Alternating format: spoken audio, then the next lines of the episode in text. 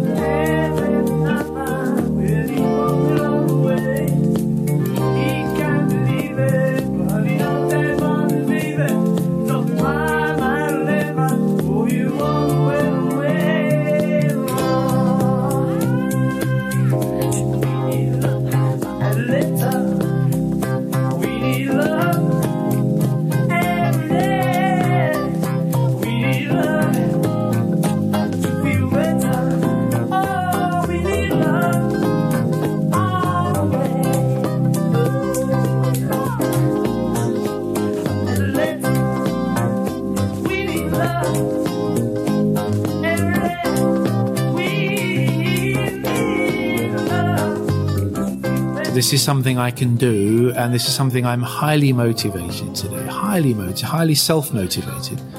Um, I mean, no one has to drag me out of bed at six o'clock to go to my desk. I'm, I'm there. Fab Forecast.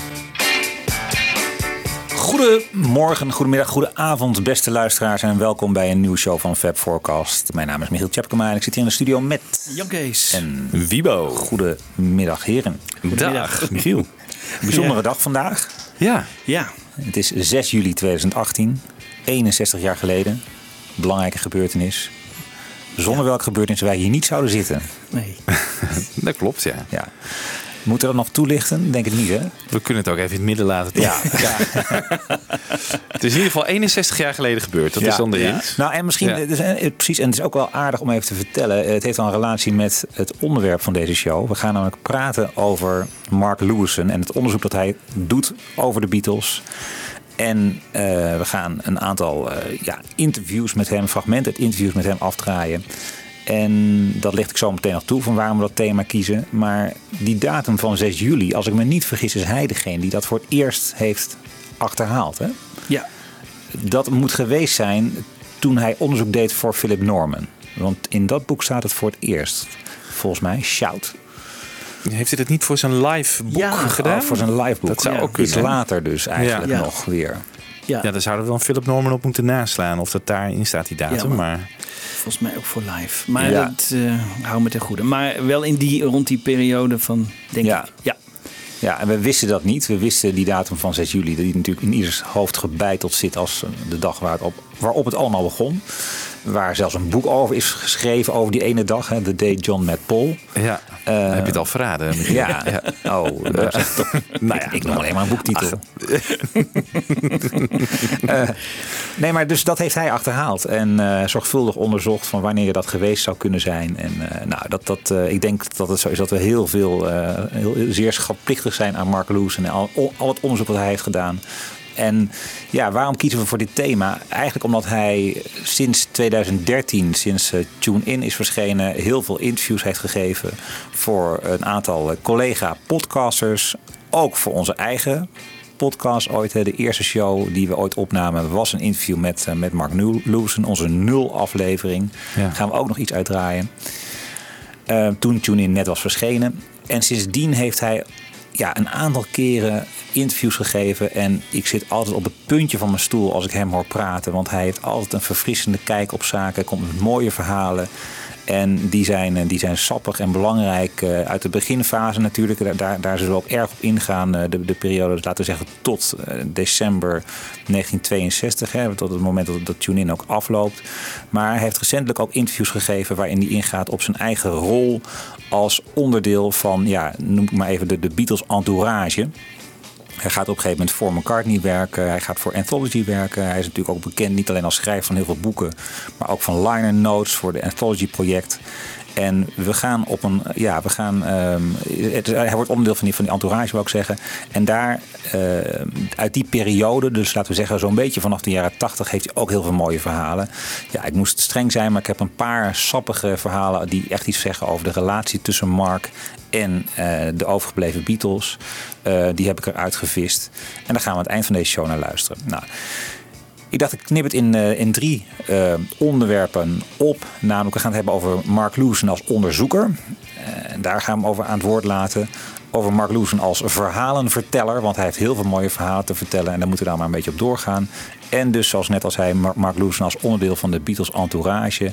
En hoe dat eigenlijk ook ja, toch vaak misloopt in zijn omgang met andere, met, met de resterende Beatles. En wat daar de verklaring voor is. Dat is ook heel sappig en interessant. Dus blijft u vooral luisteren, zou ik zeggen.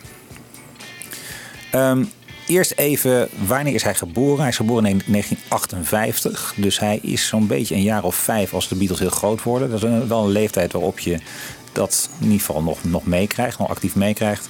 En daar gaat het eerste fragment eigenlijk over. ehm, hoe heeft hij zelf de Beatles leren kennen? I know it was 1963. Um, sometimes I think it was Please Please Me that did it for me. Sometimes I think it was Twist and Shout. I'm beginning not to remember.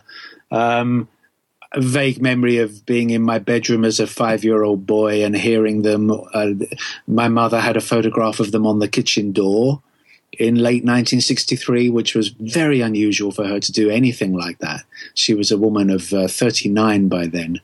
Um, why did she cut out a group of you know a pop group and put them on the door for the same reason that they were they were catching the attention of most of the population which was that they were so interesting they were so original they looked great they were funny and their music was wonderful and in that time period i did hear their music and i loved it um, i don't remember pop music before the Beatles in this country, it was Cliff Richard. He was our big star. He was our Elvis, if you like. Though we loved Elvis in a sense more than more than America did, but Cliff was the local hero.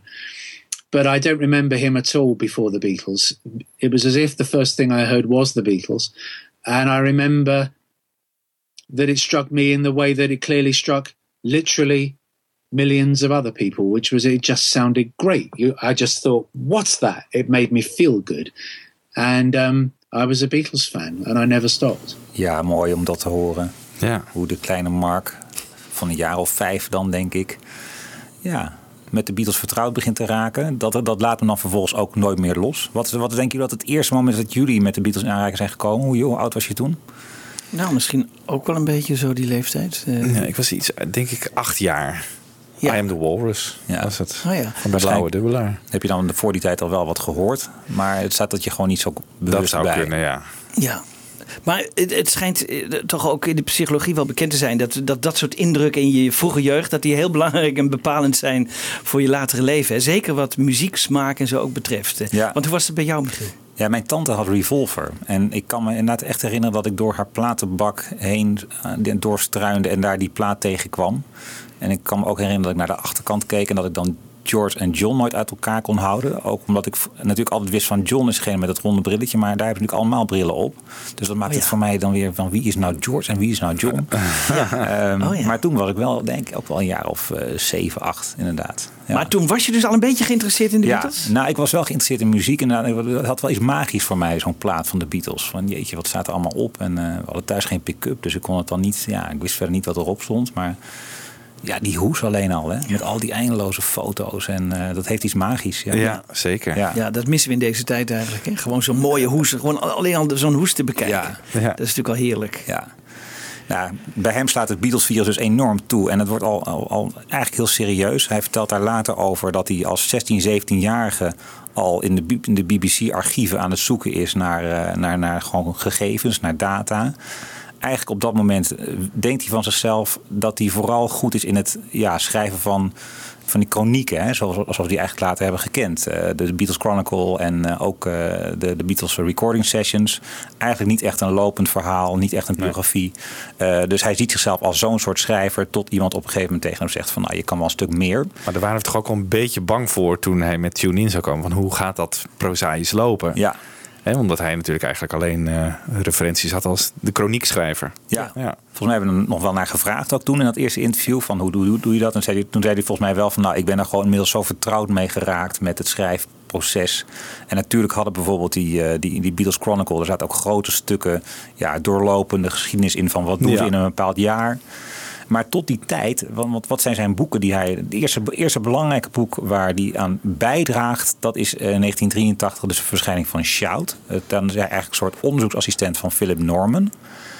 Het grappige is, in dat boek maakt hij een, eh, een cameo. Dus een soort eh, gastoptreden heeft hij in het boek. Ergens, eh, als je in de, in de register kijkt, dan kom je de Mark Lewison tegen. En niet alleen maar als, als persoon die wordt bedankt in het voorwoord. Maar ook ergens halfwege het boek.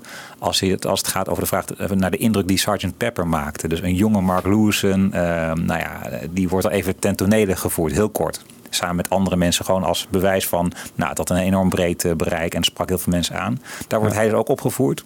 Dat is 1983. Daarna gaat hij eigenlijk al vrij snel slaat hij zijn eigen weg in. En dat leidt dan tot 1986 tot de verschijning van het eerste boek, eh, The, eh, The Beatles Live, The Ultimate Reference Book. Ik heb dat boek eigenlijk niet. Heb jij het wel? Eh, want het, dat is eigenlijk later natuurlijk in de vorm van de Beatles Chronicle Ja. eh, een beetje herbouwd, zou je kunnen zeggen. Ik heb het ook niet, hoor. Nee. Nee. Ja, ik, Ik zie het ook nooit ergens liggen of zo. Nee, het is ook niet, was niet. Misschien was het wel helemaal niet zo'n heel groot succes. Dat kan wel zijn. Maar wel dat wij eh, binnen de Beatles-kringen was het wel van. Oh jongens, nu hebben we alle live optredens op een rijtje. Ja. En hij zei ook hoeveel moeite het hem had gekost om al die krantenarchieven uit te spitten. En hij wilde Ja. niks missen. En hij, hij zei toen wel dat hij redelijk eh, compleet was. Ja. Is het nu ook nog compleet of is er daarna wel eh, aanpassingen opgekomen? Ja, hele kleintjes, hele Kleintjes. kleintjes geloof ik. Maar hij was redelijk eh, heel goed. eh, ja. Ja. de- da- daarmee heeft hij ook gelijk naam gemaakt eigenlijk. Ook bij de Beatles zelf. Ja, want hè? toen mocht hij volgens mij de recording sessions doen, toch? Zeker. Ja. Ja. Ja, de- en dat weet jij weer goed, Jan Kees. Er was natuurlijk die, was het John Bennett? Eh, nee. John Barrett. Barrett. John Barrett, ja. Ja. Die daar al mee begonnen was. Maar en toen eh, kregen we dus ehm, de man die wij nog hebben geïnterviewd, die heel lang van stof was. Ja, ik weet wie je bedoelt. Ja. Ja. Die schrijver van dat Sgt. Pepper boek. Ja, ja. Eh, die kreeg de opdracht, hè, maar die heeft het ook weer doorgeschoven. En toen is Mark Lewison in beeld gekomen. En die heeft het toen uiteindelijk eh, opgepakt. En die was natuurlijk ontzettend blij. Hij wist waarschijnlijk toen nog niet dat hij ook alles mocht beluisteren. Maar dat was natuurlijk de droomjob eigenlijk die hij eh, kon bedenken. Dat, is- volgens mij is het, eh, is het zo gaan. Maar ook omdat eh, ik, ik weet dat Paul McCartney heel enthousiast was over de Beatles live. Dat dat nu eindelijk eens was uitgezocht. Eh, eindelijk is een boek waar zei McCartney, waar dan niet allerlei verhalen in stonden die niet waar waren. Maar dit, dit klopte gewoon. Ja, en het is gewoon konden ze alles feitelijk natuurlijk, Feitelijk, ja. En, en Ja. Daar, daar was ze natuurlijk erg blij mee. Ja. Ja. Dus dat moet dan in 1987 eh, vo- voornamelijk geweest zijn dat Ja. die, die, die Abbey Road Studios induikt. Daar al die multitracks, alles kan luisteren. eh, en eigenlijk dingen hoort die wij soms nu nog steeds niet hebben gehoord. Ja, en het allemaal keurig optekent in dat boek. ja. Ja. En dat was ook echt een enorm evenement, 1988 eigenlijk, als Ja. dat boek verschijnt. Ja, want toen konden we eindelijk nagaan welke nummers wel echt bestonden en welke niet. Hè? Want er waren heel veel titels die ooit eh, te bed eh, werden gebracht, maar die eigenlijk niet op niks gebaseerd waren. Of eh, op, op teksten van Mel Evans in de Beatle Book Monthly of zo, weet je. Maar toen konden we eindelijk nagaan wat is er nou echt en wat is er niet. En eh, dat was natuurlijk fantastisch. En dat niet alleen, maar ook wie speelt bijvoorbeeld de solo op Taxman. Hè? Dat, Ja. dat, dat, Heeft hij ook allemaal ontdekt, dat soort dingen? Ja, Ja, dat, ja. ja. Ja, want dat stond allemaal op die sheets natuurlijk. Hè? En hij kon niet alles vinden, maar eh, wel heel veel. En hij kon toen nog, weet je, dat is ook een groot voordeel geweest. Toen kon hij nog eh, technici en zo interviewen. Dat heeft hij heel veel gedaan. Hè? De, de Ken Scotts, de Ken Townsends, dat soort mannen, Jeff Emmerich. Alhoewel die niet zo goed geheugen had. Maar er zijn heel veel. En, en toen was het nog niet zo lang geleden. Als je die nu gaat interviewen, heb je er eigenlijk niks meer aan. Maar toen was dat nog Ja. heel, heel, heel belangrijk. En goed werk heeft hij daarvoor verricht. En eh, heeft heel veel leuke anekdotes ook naar boven gehaald. Dat is grappig eh, dat je zegt van eh, die mensen die hij interviewt, daar heb je nu niks meer aan. Hè? Dat, dat, dat is een punt waar hij natuurlijk ook herhaaldelijk als onderzoeker tegenaan loopt. Hij is niet zomaar een Beatles schrijver, hij, is echt, hij noemt zichzelf ook Beatles historicus. Hij is bijna wetenschappelijk ook in zijn aanpak. En als je nu hoort van wie hij allemaal geïnterviewd heeft in de loop der jaren, dat heel belangrijke informatie heeft hij daarmee weten te achterhalen bij, me- bij mensen, die je niet naar boven zou krijgen als je die mensen nu zou gaan interviewen. En dat geldt ook voor de, zelfs voor de Beatles zelf. Ja. Eh, dus Ja. ja, Ik zou eh, bijna zeggen, ja, Ja. echt voor, juist voor de Beatles Ja, zelf. Maar hij heeft ook een hele goede aanpak hè, met mensen die hij interviewt. Hij gaat niet zomaar zeggen van wat herinner je je nog van die en die sessie. Maar dan neemt hij iets mee. Of een geluidsfragment of een krantenartikel of iets om, om het eh, geheugen te triggeren van die mensen. Ja. En dan komen er echt dingen naar boven. Die, eh, die je bij een eh, open vraag van wat herinner je je nog niet naar boven waren zijn, eh, Nee. zouden zijn gekomen. ja. Dat is wel leuk. En dat is ja, die techniek, eh, daar heeft hij het wel vaak over in interviews. En die werkt echt bijna altijd, zegt Ja. hij. ja. Behalve bij Jeff Emmerich. Ja. ja. Ja, maar ik bedoel, als het er niet in zit, dan kun je het Nee. er ook niet uithalen. hè. Nee. Maar als het er soms wel in zit en je kunt er door iets... Hè, het geheugen schijnt toch via een omweg vaak te kunnen werken. Ja. En eh, muziek schijnt daar heel belangrijk in te, in te zijn. Nou heeft hij natuurlijk eh, als dan eh, de Beatles Recording Sessions verschijnt in 1988. Dan in, volgens mij is in 1992 dat Chronicle boek, wat ook een schitterend boek is.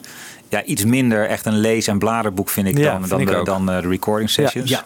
Ik weet nog dat ik, de, dat ik de layout schitterend vond, maar uiteindelijk, eh, ja, hoe vaak ik daar nou echt... Ik heb daar niet avondenlang Nee. in zitten Nee. bladeren of Ik zo. ook niet. Nee. Nee. Nee.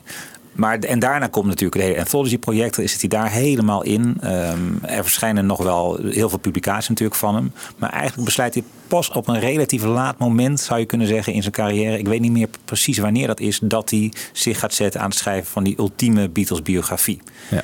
En daar hebben we geloof ik nu een eh, fragmentje van. Hij is hier een keer geweest in deze ruimte. En toen zei hij tegen mij ook van... Harry, ik heb zoveel materiaal. eh, ik weet eigenlijk niet hoe ik het in één boek moet krijgen. Toen heb ik hem deze malenbiografie laten zien. Ik zeg, Mark, dit is wat het moet worden. En je hebt nu 15 jaar eh, de tijd gekregen bij de uitgever. Maar het wordt dus de rest van je leven. En daar is hij kennelijk meteen voor gevallen om dat idee over te nemen van minstens drie delen, misschien zelfs zes.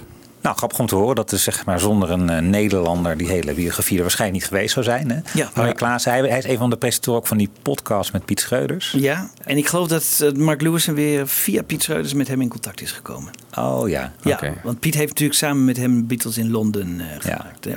ja. Dus dat, eh, dat, dat het zo is gegaan, dacht Ja. ik. Maar in ieder geval was voor hem altijd duidelijk, en dat zegt hij ook in heel veel interviews. ja, eigenlijk vindt hij het moeilijk om Beatles, met name Beatles biografieën te lezen. Want hij vindt gewoon het verhaal, het hele goede verhaal, is gewoon nog niet verteld. En ehm, ja, dat, dat, dat wordt eigenlijk zijn hoofddoel als schrijver om dat verhaal te gaan vertellen. En daar, ja, historicus als hij is, is hij zich van het bewust van dat dat vergt een heel andere aanpak, een heel andere methode dan personen voor hem hebben gedaan. En ja, hij heeft al iets van het vak geleerd natuurlijk als hij onder hoede van, eh, van Philip Norman is. Maar op een gegeven moment merkt hij ook van er komt een soort belangenverstrengeling. Van als ik nog voor Philip Norman blijf werken en ik ontdek leuke dingen. Ja, wat ga ik daar dan mee doen? Hè? Kan ik daar wel eh, op eigen naam mee naar buiten komen? Of eh, leidt dat niet tot conflicten met, eh, met Philip Norman? En zo besluit van ik ga het gewoon helemaal zelf doen. En dat leidt dan tot het nieuwe doel, namelijk het schrijven van de biografie. Maar dat is dus in 19... Ja, ik weet het niet precies. Ongeveer... Begin 2000 ik denk denk rond die tijd, ja. Ja. Ja. maar ik heb het idee dat hij al ver van tevoren ooit heeft bedacht van... ik ga allemaal informatie verzamelen en ik ga er nog eens wat mee doen. Misschien in welke vorm dan ook, maar... Hè, want dat, dat, die indruk heb ik wel, want toen hij bij McCartney werkte... heeft hij heel veel archieven doorgespit. En ik denk ook voor, namelijk voor zichzelf, om al die informatie te krijgen. Hè. En ik, ik heb het idee dat hij altijd wel in zijn achterhoofd heeft gehad van... ik ga er nog eens wat iets groots mee doen. En nu is, nu is de kans voor mij om, de, om dat te verzamelen. En misschien ook wel bij Philip Norman dat hij dacht van... ja, als ik, als ik mooie dingen aan hem weggeef...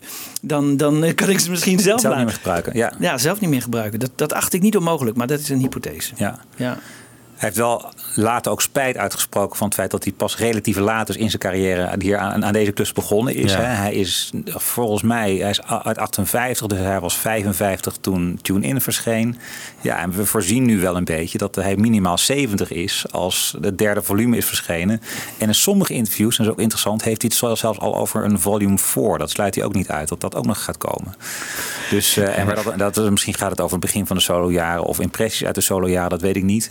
Maar eh, voorzichtig zegt hij van nou, er, er zou nog wel wat meer aan kunnen zitten komen. Dus hij, en hij maakt nu hele lange dagen. Maar laten we maar even eh, vertellen over wat hij zichzelf als schrijver ten doel heeft gesteld. There are just lots and well, lots is, is an understatement. There are just hundreds, if not thousands, of obstacles that one must overcome in order to write a book like this. Um, and some of them are larger and some of them are smaller than others. Um, but they all have to be jumped. And um, it, it would be hard to just pick out one or two, really. I mean, organization of information is a, is a huge one, absolutely huge. Um, that's my biggest day to day challenge, I suppose, is is keeping structure to this vast, vast welter of, of information that needs to be organized um, in order for the book to be written. Um, an awful lot of personal relationships have to be formed with the people that I'm reaching out to. They, I have to show that, uh, demonstrate that I am worthy of their trust, uh, that I will honor them and what and their role in this story. Uh, and by that, I don't mean only be nice to them in print, because I'm not interested in just being nice to people. But I mean honor their trust in me. So if they're prepared to show me things, open up to me, divulge whatever it is that I'm asking them, then I must prove myself worthy of, of their belief in me. So that means maintaining an awful lot of relationships. Um, and every relationship is different. You know, some are high maintenance, some are low maintenance. You know, that must all be done in a kind of polite English way. and um, but I I have an absolute love for what I do. Um, um, you know, I love this subject. Again, I must stress I'm not out to. I say this in a number of interviews. I'm not out to polish the Beatles' reputation to say how great they were. This is not a book. This is not a fanboy's book. Far from it. This is a historian's work. Ja, zo krijgen we een goede indruk van. Uh, niet alleen maar de doelen die hij zichzelf stelt, maar ook de, de hindernissen die hij moet overwinnen, waar hij het uitgebreid over heeft. En ik kan me ook een ander interview herinneren. Daar gaat het op een gegeven moment over ja, het schrijven van volume 2. Hè? De, het boek waar hij nu mee bezig is. Dat eigenlijk zegt van ja, volume 1 was nog wel te doen. Want het is een redelijk straightforward verhaal. Je gaat gewoon de jaren langs. Uh, je, je, moet natuurlijk een beginpunt hebben. En, maar je weet globaal waar het eindpunt is. Je weet over wie het gaat. Wie zijn de kernpersonen. Het blijft geografisch redelijk beperkt tot, laten we zeggen, Liverpool, uh, Hamburg. Ja. En op een gegeven moment gaat natuurlijk de hele wereld komt aan bod, zou je kunnen zeggen, in dat tweede volume. En hoe ga je in vredesnaam je, je informatie dan ook Ja. organiseren? Dat is in alle bibliotheken over de hele wereld natuurlijk zou hij dan eigenlijk onderzoek moeten doen, Ja, toch? Eigenlijk wel. Heeft hij ook mensen voor hem die in voor hem werken, die onderzoek voor hem doen? Nou, hij zegt daarover van ik ben een one-man band. Dus ehm, hij krijgt hulp aangeboden. En eh, voor zover die eh, wordt aangeboden en er echt financiering voor is, maakt hij daar vast wel gebruik van met van onderzoeksassistenten. Maar er is niet één iemand die aan hem gekoppeld is. En nou die is- ja, hij, eh, wij hebben toen gebruik gemaakt van. z- Hij heeft een hulpje in die onderzoek doet voor hem in de bibliotheek. eh, in de Engelse, we National Library. Waar je dus alle kranten kunt eh, eh, vinden. En toen wij bezig waren met John en Yoko, in bed met John en Yoko. Heeft Piet Schreuders gevraagd aan Mark: mogen wij gebruik maken van de mannetje die dat voor jou dan uitzoekt en die daar eh, kennis van heeft? En dat mocht en die moesten we dan gewoon betalen. Ja. En eh, dan, eh, maar kijk, de, ik denk dat het gewoon iemand is die ni- niet echt Beatles geïnteresseerd is of zo, maar die gewoon al die kranten nazoekt en navlooit op, op Beatle onderwerpen en dat voor hem verzamelt en zodat hij dat allemaal niet meer zelf hoeft te doen. Maar zo'n mannetje heeft hij dus wel. Maar dat is in, de, in de National Library, tenminste, dat, daar wij toen gebruik van kunnen maken. Ja. Ja. British Library is dat volgens mij. British Library, ja. Ja. ja. Ja, daar is natuurlijk ook alles opgeslagen. Hè? Dus Ja. dat is ook een soort, geloof Engels, een soort wettelijke verplichting in, het, in Engeland om alles wat er Ja. ooit gebeurd is op enig moment. Ja, eh, dat heb je hier toch ook eigenlijk. Hè? Want alles wat Elk gepubliceerd boek, elk ja. boek moet Ja, ook naar de... zeker. Ja. Maar hij- wat ik wel heb begrepen, dat hij ook veel naar het buitenland gaat. Hè? Hij doet ook zelf onderzoek. In, Ja. eh, hij heeft in Canada en Amerika is hij geweest. Filipijnen nu. Filipijnen Dat is net nu. geweest, ja. Hij is Oh, India, ja. India is hij geweest. Dus hij doet zelf ook eh, onderzoek. Ik zit net te denken, die man die is 60 dit jaar dan. Ja. ja, hij moet En het wel kunnen Hij moet het, ja. Het zou een nationale tragedie eh, zijn als die man eh, vroeg ergens zou overlijden, toch? Dat, Ja, Ja. Dat, dat is grappig dat je dat zegt, want in Ja. heel veel interviews wordt ook geïnformeerd naar zijn gezondheid. Hè? Dus eh, we maken ons echt collectief eh, ja. bijna zorgen. Nou, niet geen zorgen, maar Ja. we, we hopen heel erg dat deze man niks vreselijks overkomt. eh. Ja, Ja. Ja. net zoals Mel Evans die dan net doodgaat voordat hij zijn memoires of zo wilde publiceren Ja. met zijn dagboek en dingen. En, maar die schijnen afgewezen te zijn, toch? Zoiets, maar dat, dat is een mysterie. Waar Maar, dat nou is, ja. Waar dat nou is, weten Ja. we niet. Misschien Maar- bij Mark Lewis en wel. weet ja, het wie niet. weet, Ja. wie weet, wie weet. Maar dit, ja, het- hij mag, hij mag niks overkomen natuurlijk. Nee, maar hij is dus wel zo van, hij maakt daar gebruik van assistenten, maar natuurlijk alles wat daar naar boven komt, eh, dat, dat checkt hij zelf ook. Dat wil hij allemaal zelf gezien hebben, want Ja. voor hem is het echt, eh, het Ja. allereerste is feiten. Op basis van feiten wil hij schrijven. En het onderwerp fascineert hem en hij vindt het onderwerp schitterend, maar hij is geen hagiografie aan het schrijven. Eh, hij doet niet een heldenverering. Hij haat de woorden iconen en legendes en zo, die gebruikt hij niet. Het zijn gewoon mensen. Het verkleurt ook je beeld van die mensen eh, als je ze alleen maar als legende benadert, alsof het een of andere soort halfgoden zijn. Eh, dat zegt hij ook vaak. Maar het is de feiten boven alles. En die feiten bij hem komen vooral voort uit documentatie. Dus hij heeft ook een heel groot persoonlijk archief met al die inderdaad eh, oorspronkelijke krantenknipsels en eh, kopieën daarvan. Waarvan hij later ook heeft gezegd van zodra dit boekproject is afgelopen, is dat wat mij betreft openbaar. Dan wil hij het gaan, eh, nou dan wil hij op een of andere manier een, een, soort Beatles archief eh, Ja. dat, dat, dat voor iedereen inzichtelijk is. eh, Nou, eh, dat is ja. heel positief. ja, Ja. Maar dat is pas over een jaar of twintig. dat als we zal nog geluk even weg zijn, ja. ja. Gelukkig zijn weinig jong, dus we kunnen nog even jong tussen aanhalingstekens. Ja. Maar Michiel, eh, kun jij je voorstellen dat je dagelijks met de Beatles bezig bent en dat het als je beroep is? Ik bedoel, hoe zou jij dat ervaren? Ik denk dat hij heel veel genot haalt toch uit het feit dat hij zoveel ontdekt. En dat er zoveel nieuws naar boven komt telkens. En dat geeft natuurlijk energie. Hè? Als je, eh, nou, er komen zo meteen nog fragmenten hoor. Van wat zijn je Eureka-momenten in een bibliotheek. Ja. Eh, en, Ja. en je, hij, hij noemt het volgens mij in dat nieuwsuur interview ooit digging for gold. Hè? Dus Ja. je blijft graven en je komt gewoon goud tegen. En als dat, laten we zeggen, een keer of twintig is gebeurd, nou, dan wil je die 21ste keer wil je ook. En zo, zo gaat het maar door.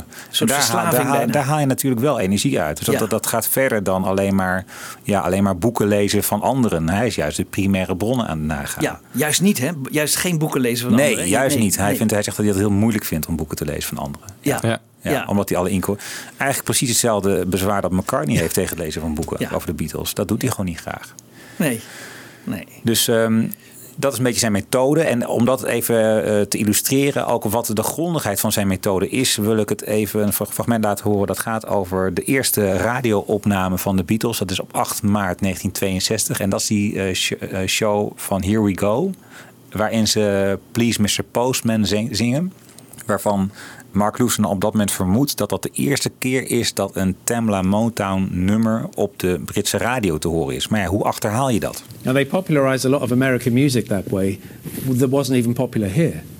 Yeah, and they actually um, they made uh, African American music accessible here to white people Yeah. in America, Yeah. which was a very big thing for them. They were very proud of it because they were not into the segregation and Yeah, correct. The, the Beatles' first album is um, is principally a New York sound.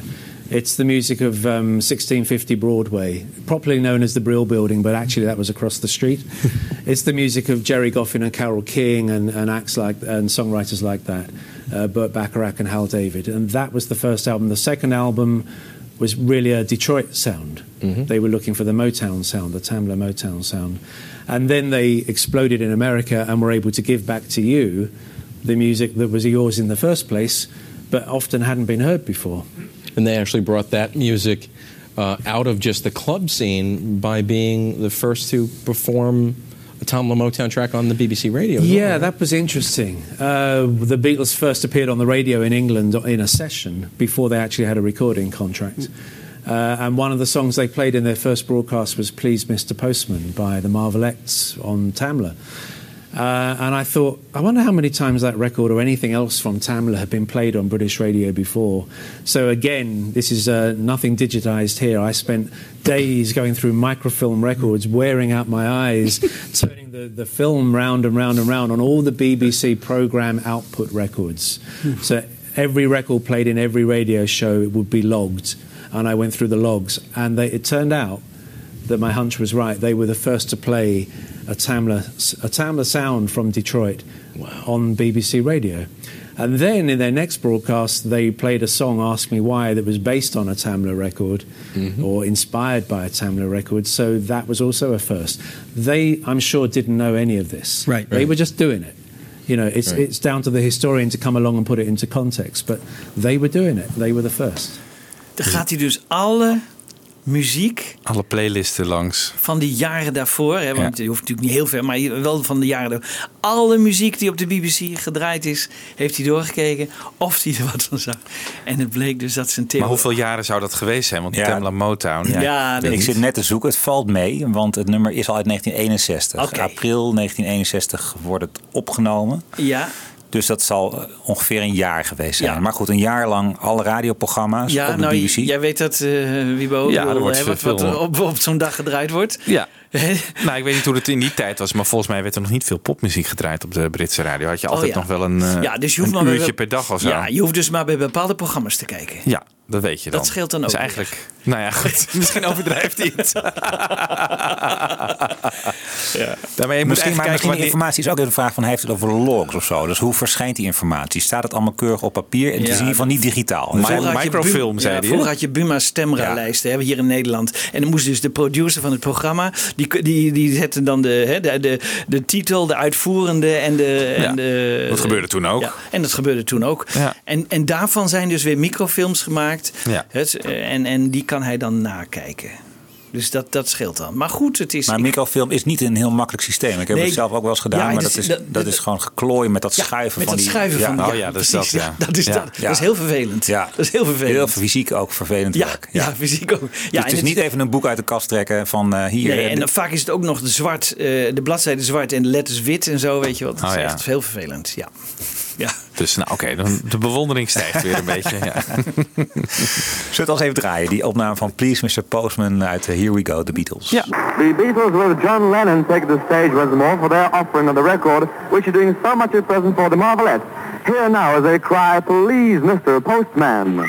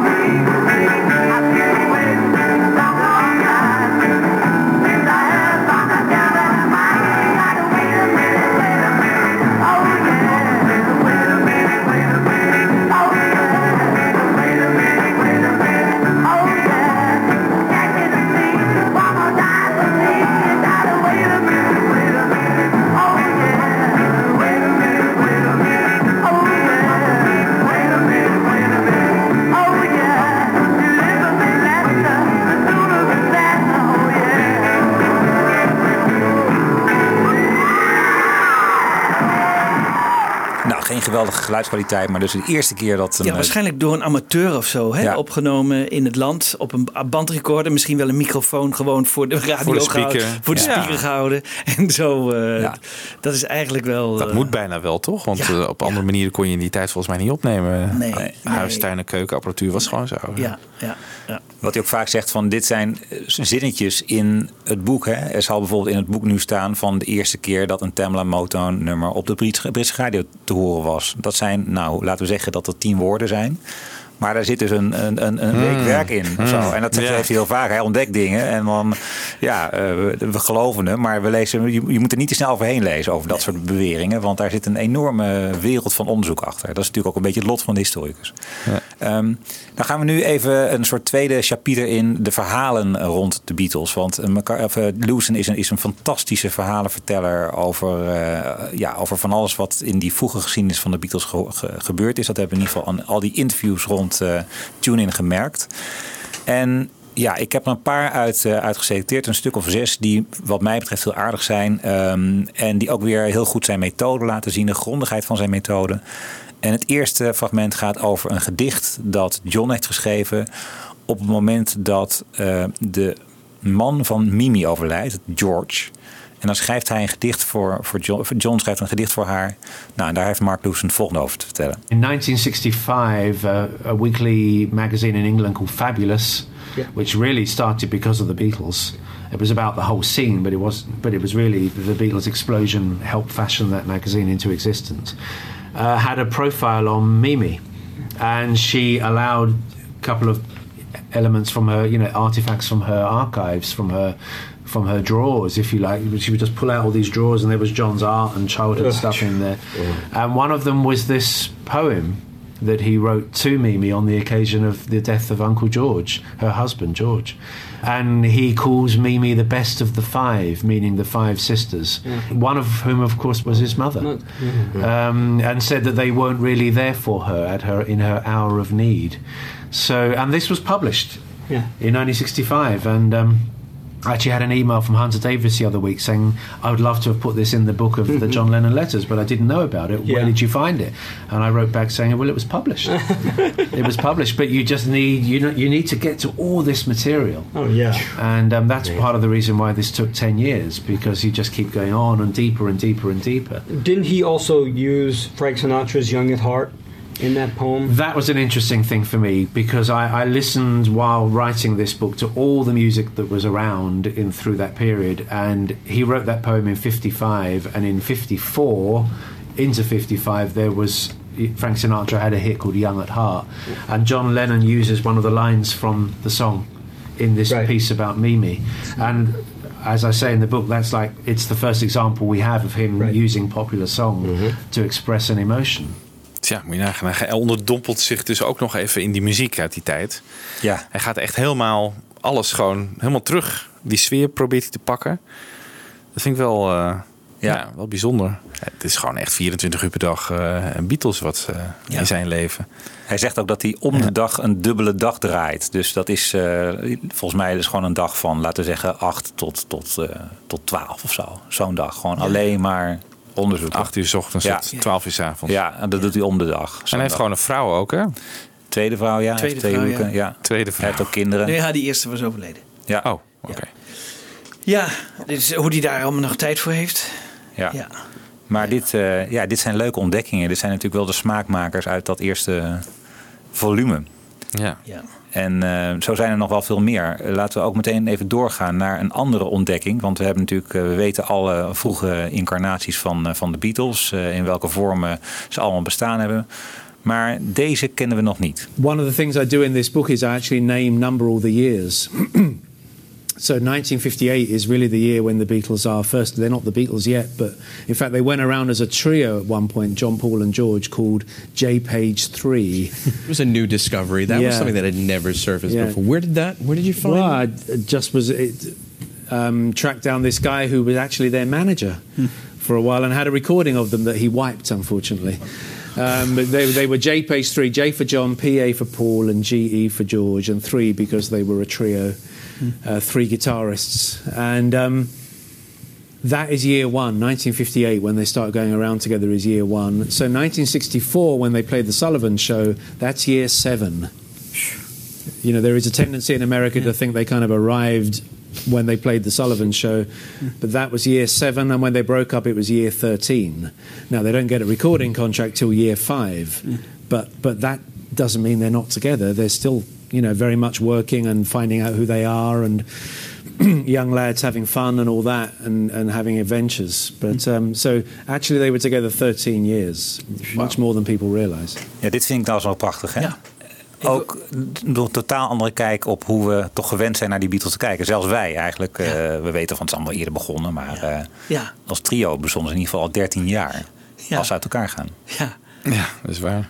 Heel mooi. En even de Amerikanen wijzen op van ja, jullie denken dat 1964 jaar Alles begon. Ja.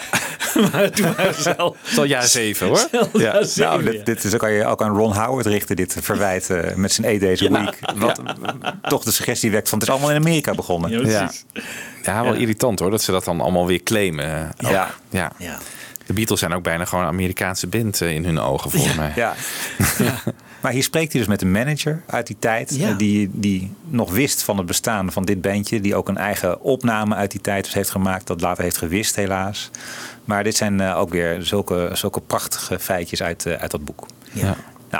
Waar hij ook mee komt, en wat hij wat, wat, hij vaak benadrukt, is, het, is het, in zekere zin het wonder van, van de Beatles. Dus het mirakel eh, dat die band uiteindelijk zo groot wordt. Dat is misschien niet eens zo'n mirakel, maar dat het niet al in een veel eerder stadium opgehouden is.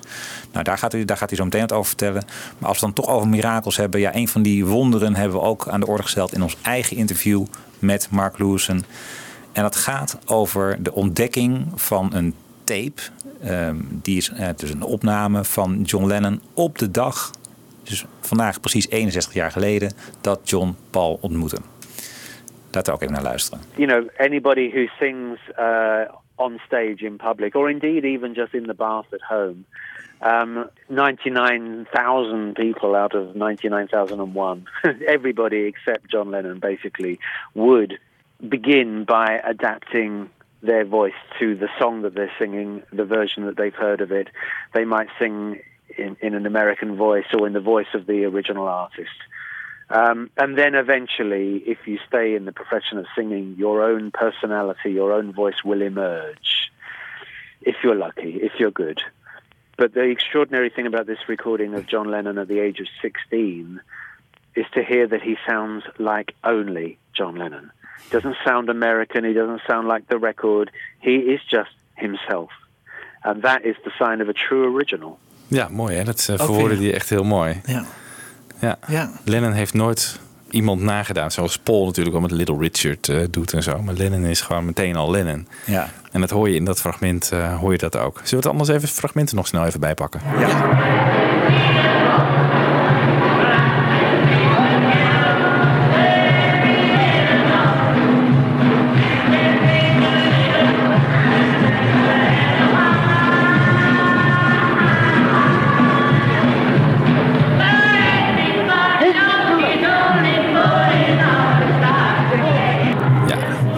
Onmiskenbare John Yes. Lennon. Ja. ja.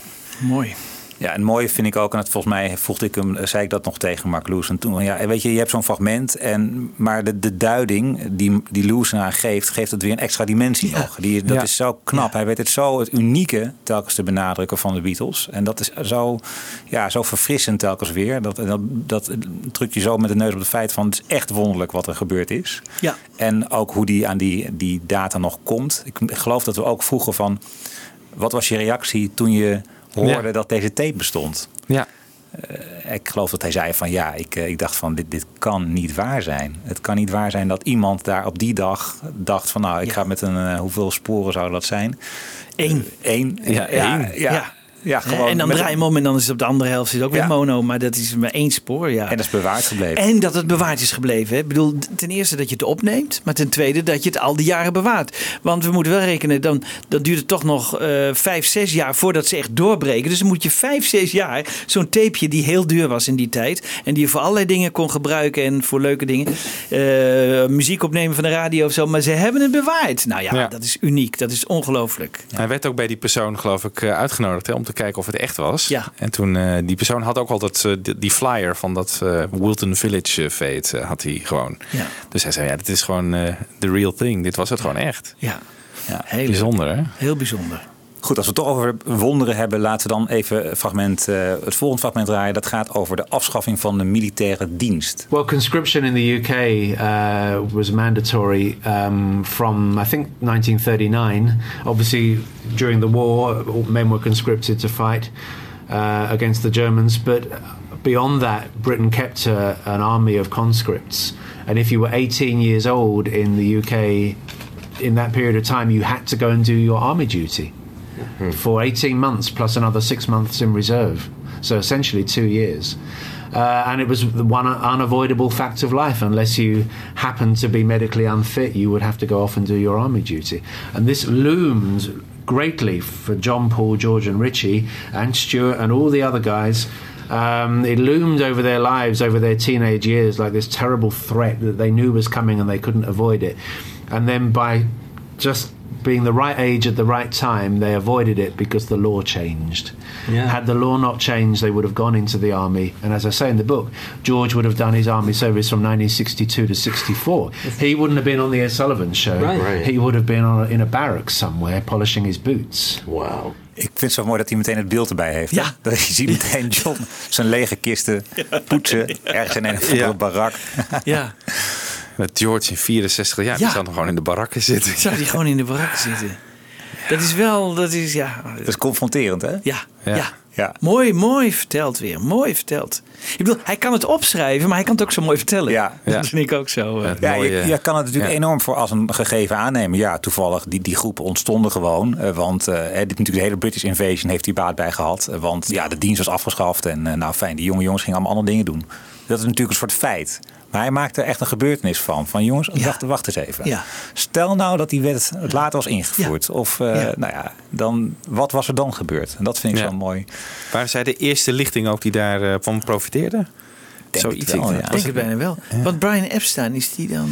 eh, Die is wel in het leger Die heeft wel in het leger. Ja, en wat je die vond het verteld? Ja, verschrikkelijk. die vond het verschrikkelijk, verschrikkelijk. Ja. Ja. Die heeft daar eh, echt alles geprobeerd om er onderuit te komen. En eh, ja, weet je nog dat verhaal dat hij eh, zichzelf voordeed als een of Ja. andere hoge Ja. pief. En Ja, eh, zich liet salueren. En, Ja. ja. Ja. ja. Nee, George, dus dat George net- Martin dacht ik ook, hè? Als je Ja, een paar hoor. jaar Ja, ouder was was. dat in een vliegtuig? eh, Ja. Ja, Ja. eh, piloot was hij, ja. dus daar zijn we allemaal aan ontsnapt. Ja, ongelooflijk. Nou, mooi verhaal. We hebben het net al gehad over Eureka-momenten in de bibliotheek. En we gaan weer even naar onze collega's van Fab for Free for All. Die hebben hem op een gegeven moment gevraagd van... ja, wat is nou, als je één voorbeeld nog mag noemen van een Eureka-moment in de bibliotheek... ehm, nou, vertel even. En daar komt hij met dit verhaal. It's just a, a trifling one, really. But um, when the Beatles went to Scotland in 1960, driving around the Highlands in a van, and they, they was involved in a crash. And when they crashed, it was at the top of the hill coming down into Banff. I know because I've been there and looked at exactly why they crashed because it's a difficult junction. And um, after they crashed, someone came running out of the house, a kid came running out of the house, and having heard that there was an incident outside the, her front door, and saw that they were entertainers, and rushed back inside and got her autograph book, and in the, came out back out and got the very first ever set of Beatles autographs. Um, which you can see on the on the internet, and they're, they're going to be in the extended edition of this book. Well, that gave me the date and time of the crash and the place of the crash. So I then went to the little local newspaper in Scotland, which I'd looked at before, looking for advertisements as to whether they might have played there. But I hadn't looked for news of the crash. Wow. And this time I've, I was in the library and I'm going through every tiny page. This is like, can't remember the name of the paper now, but anyway, it's right up there in the top of Scotland, a little local paper. And I found the report, mm. and it's the very first time the Beatles were ever mentioned in print. Wow. So you know, millions of articles Yeah. and books later, And there it There is. had to be a Because of the first crash. Wow. Yeah, and there it was, and it had B double E, not B E A, Right, a common misspelling for years to come. But there it was, and it was like yes, you know, just to find that in the library, and uh, it's just a line in the book, but it, it's it, it's, just typical of the good good times I had researching this. Daar doet hij het dus voor. Ja, Ja, mooi man. Ja. Ja. kan me zo voorstellen. En ook hier weer, hè, die handtekeningen blijven bewaard. Hè? Ik, bedoel, Ja. ik eh, heb als jong jochie ook wel eens handtekeningen verzameld van deze of gene. Maar waar ze nu zijn, ik heb echt geen flauw idee. dus, eh, nou, zijn er ook altijd mensen die willen weten, wat als? Wat als nou dit, wat als nou dat, die persoon er niet zou zijn geweest? Nou, zijn, omdat hij zo de nadruk legt op het mirakel van de Beatles en hoe het allemaal ja, toch is geworden wat het is geworden, heb je de neiging om te denken van ja, hij, hij, hij benadert het ook als een soort eh, ja, wonder dat het, dat het uiteindelijk zo is gekomen. Wat als er nou iets niet was gebeurd? En daar hij houdt eigenlijk niet van dat soort vragen. Maar voor één vraag maakt hij een uitzondering.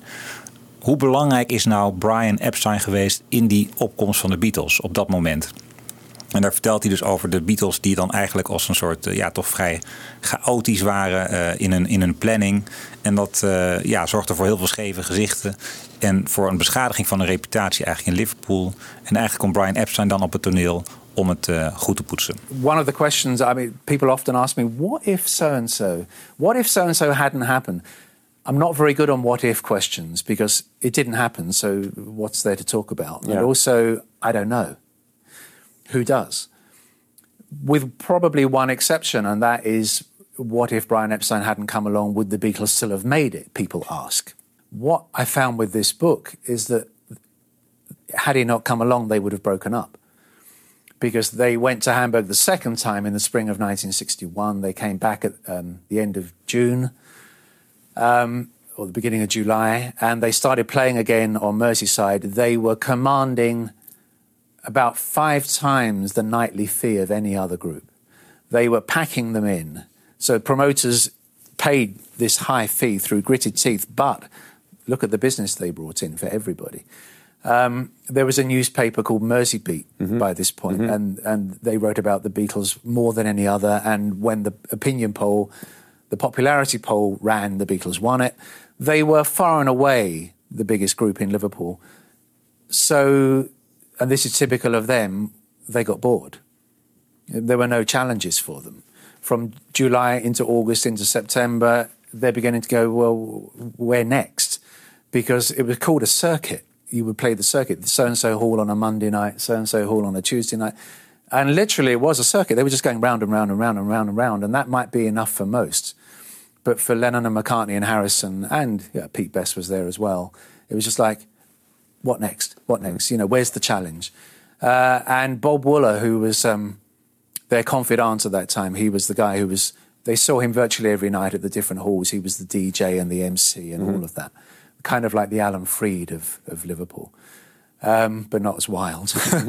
uh, he he is categoric or was categoric that they were going to break up unless something happened for them, some breakthrough happened, they were going to break up.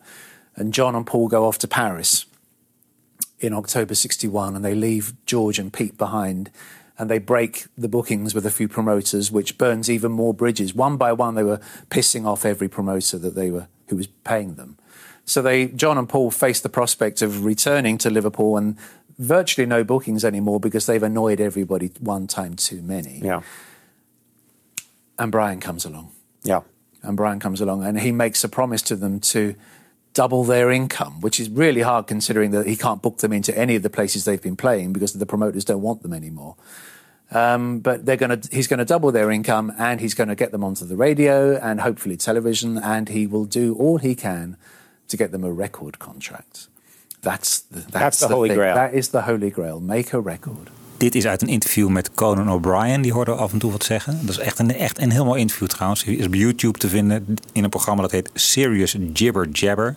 En dan hebben we niet die Conan O'Brien, die eh, de medige Simpson-komiek, zeg maar. Maar echt een eh, heel geïnformeerde Beatles-fan.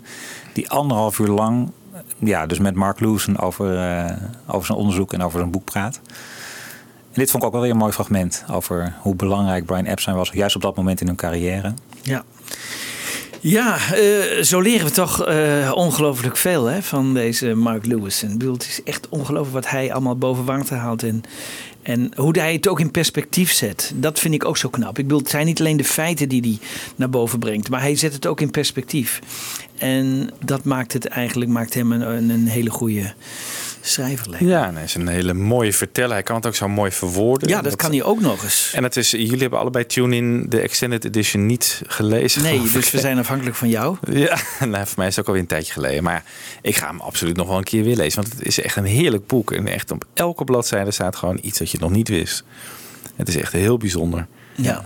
Ik heb grote stukken er wel uitgelezen. Ook in, bijvoorbeeld in de voorbereiding naar onze trip naar Hamburg. Hè. Dan lees je, dan wil je toch een beetje weer. eh, en bijvoorbeeld rond die, eh, die 6 juli eh, 1957. Ja. Maar je wordt onmiddellijk gegrepen door alles wat er staat. Maar inderdaad, de tijd eh, om het integraal even door te nemen, Ja. die is me nog niet gegund sindsdien. Maar dat, eh, dat gaat zeker komen. Ja. En ehm, ja, ik vraag me toch ook een klein beetje af. Ja, misschien dan komen we juist weer bij zo'n wat als vraag.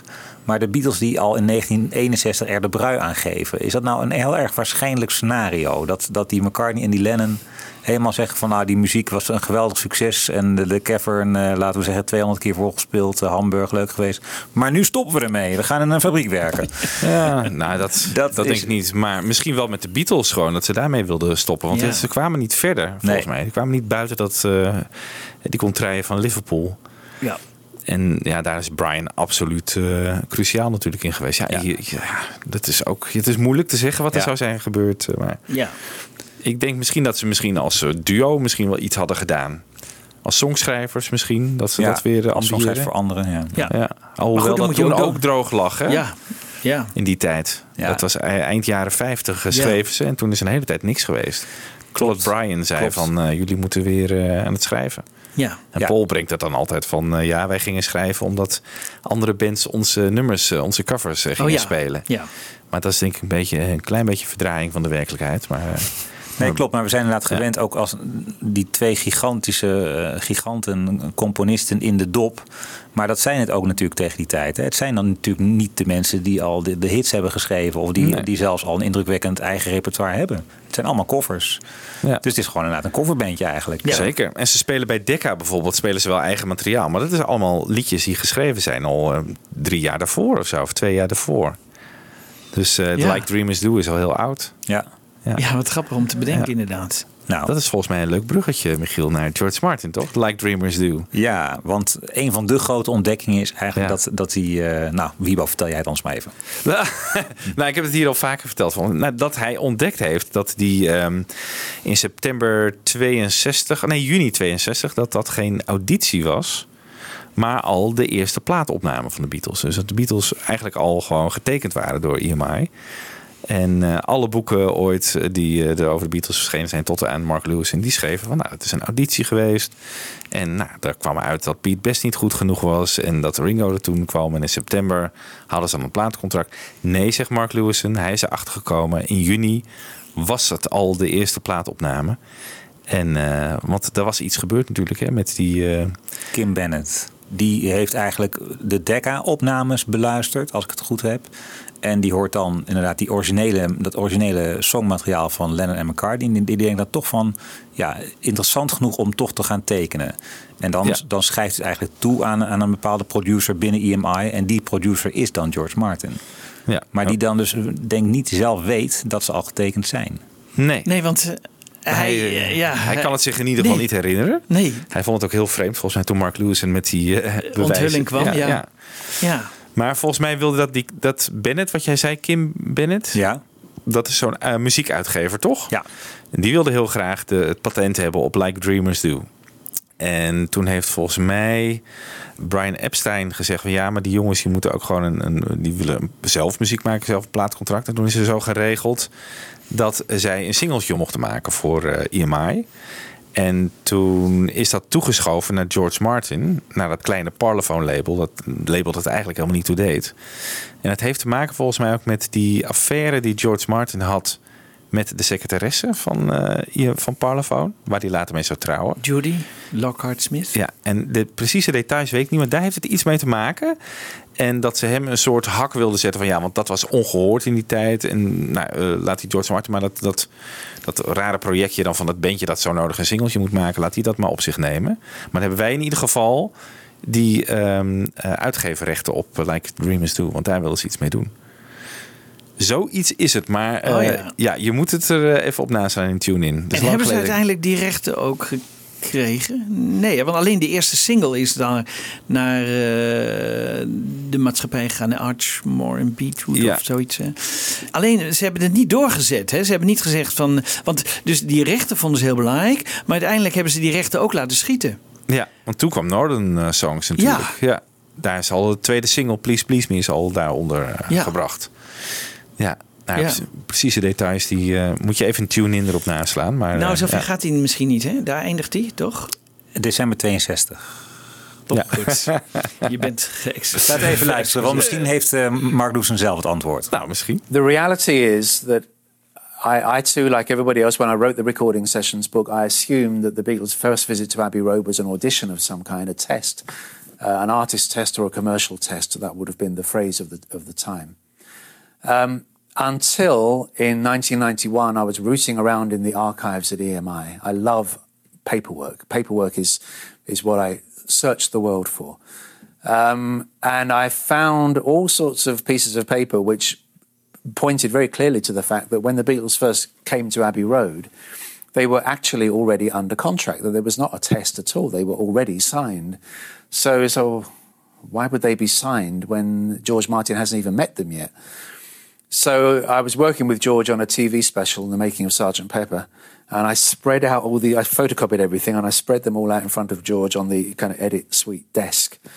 And I said, I don't understand what's happening here. Can you please explain to me? The documents had his signature on them from 62. And he looked at them and, and, and it, it, had, could, had, he had no answer. He couldn't actually explain what it was. Um, he was baffled by it. And I could see he was genuinely baffled. He kind of um, talked himself into believing the, the other story Yes. of how they were signed. And therefore, when confronted with this, genuinely no longer remembered it that way that was okay for the time. It, it left me unsatisfied, but I knew that, you know, there, there was something there that was unsolved. Well, when I came to write these books, I knew I had to get to the bottom of that one. I couldn't just have a conundrum in the book uh, of such magnitude. So um, it all fell into place when I lucked into, well, I've been looking for him for years, but in the end, I lucked into finding a guy called Kim Bennett, uh, Kim, a male Kim, um, who was uh, he worked at an EMI music publishing firm called Ardmore and Beechwood, and he had liked a Lennon and McCartney song that he had heard on the Decca tape, the failed audition for Decca, um, and wanted to publish it. And through his interest, the Beatles, Brian Epstein found himself um, with George Martin in May 1962 um, discussing a contract. Now, why was George Martin offering them a contract? Well, it's a convoluted uh, and and quite multifaceted combination of reasons, but the reality is that he was given them as a chore. He had his arm twisted. It was an assignment. It was an assignment. They was in effect they were signed by EMI, and then it was like, well, who should we give them to? EMI had four in-house producers at that time. And for various reasons, George was given that job. Um, so they were signed. He had never met them. The only bit of their music he had heard he didn't like, uh, didn't rate at all highly. So why on earth would he have signed them? When he met them, and this is what's so tremendous about George Martin being the right guy, when he met them, he recognized immediately that these guys were original that they had attitude, that they had opinions, that they spoke up, that they were funny, that they were charismatic, and that they were the something. Who else was called the something? He was himself a maverick in everything he did. Uh, he didn't like abiding by the rules. He was always trying to subvert the rules in the best way possible, in the creative sense. Uh, and when he met them, he recognized that they were the same. So he knew that they were good guys and that something might come of this. But what would they record? And it was at that point that he decided he would find them a song, which was the role of a, a producer. He wasn't even called a producer then. He was an A and R man, uh, and A and R people at record companies will tend to, these days will scout the talent, but they won't necessarily take them into the studio. But his job was to find the artist and artist and repertoire. So he found the artist, then he went looking for the repertoire, which was how do you do it, and then he said, "Come down, boys, you're going to make a record." Um, the great strength of the relationship between the Beatles and George Martin manifests itself very fast. By November of 62, still within the realm of this book, he is completely tuned into who they are. He realizes how original they are. He wants to do an album with them. He talks about going to the Cavern and making their first album a live album, which is what Please Please Me would have been. Um, and he's he's fully tuned in. And when they make the Please Please Me single, he presses the button to say, "Congratulations, boys! You've just made your first number one," and he meant it. Nou, het klopt ongeveer wat ik zei. Hè? Maar Ja, met die nee. affaire, volgens mij is dat van Various Reasons, waar hij het over had, valt dat daaronder. Oh, Dat Maar- het uiteindelijk gewoon. Maar hij had het over. It was a. A chore, zei hij toch? A chore. Ja, eigenlijk een, een eh, vervelende klus. Oh ja. Ja, ja. Een vervelend klusje, oké. Maar het is Ja. dus niet zo dat Brian Epstein bij George Martin uiteindelijk terecht is gekomen. Nee. Hij had al wel bij EMI aangeklopt. Ja, maar heeft die Kim dat nou via Brian Epstein gekregen? Of heeft hij het gewoon via een andere weg die, eh die, die Decca-tapes beluisterd? En wat ik altijd begrepen heb, is dat ehm, Brian Epstein de opnames van Decca op een soort Ja. acetate wilde laten Bij drukken. HMV, Ja, ja. HMV in Londen. Ja. In Oxford Street. Ja. En dat een van die mensen die dat deed, Ja. dat die dat hoorde en dacht van, hé, hey, dit is wel eh, interessant. En het, het ging altijd het verhaal dat hij zei, je moet eens met George Martin praten. Ja. Maar dat is natuurlijk... Nee, nee dat kan zo dus werkt het nee, niet. Nee, nee. Maar zo hebben we het altijd gehoord. Ja. ja.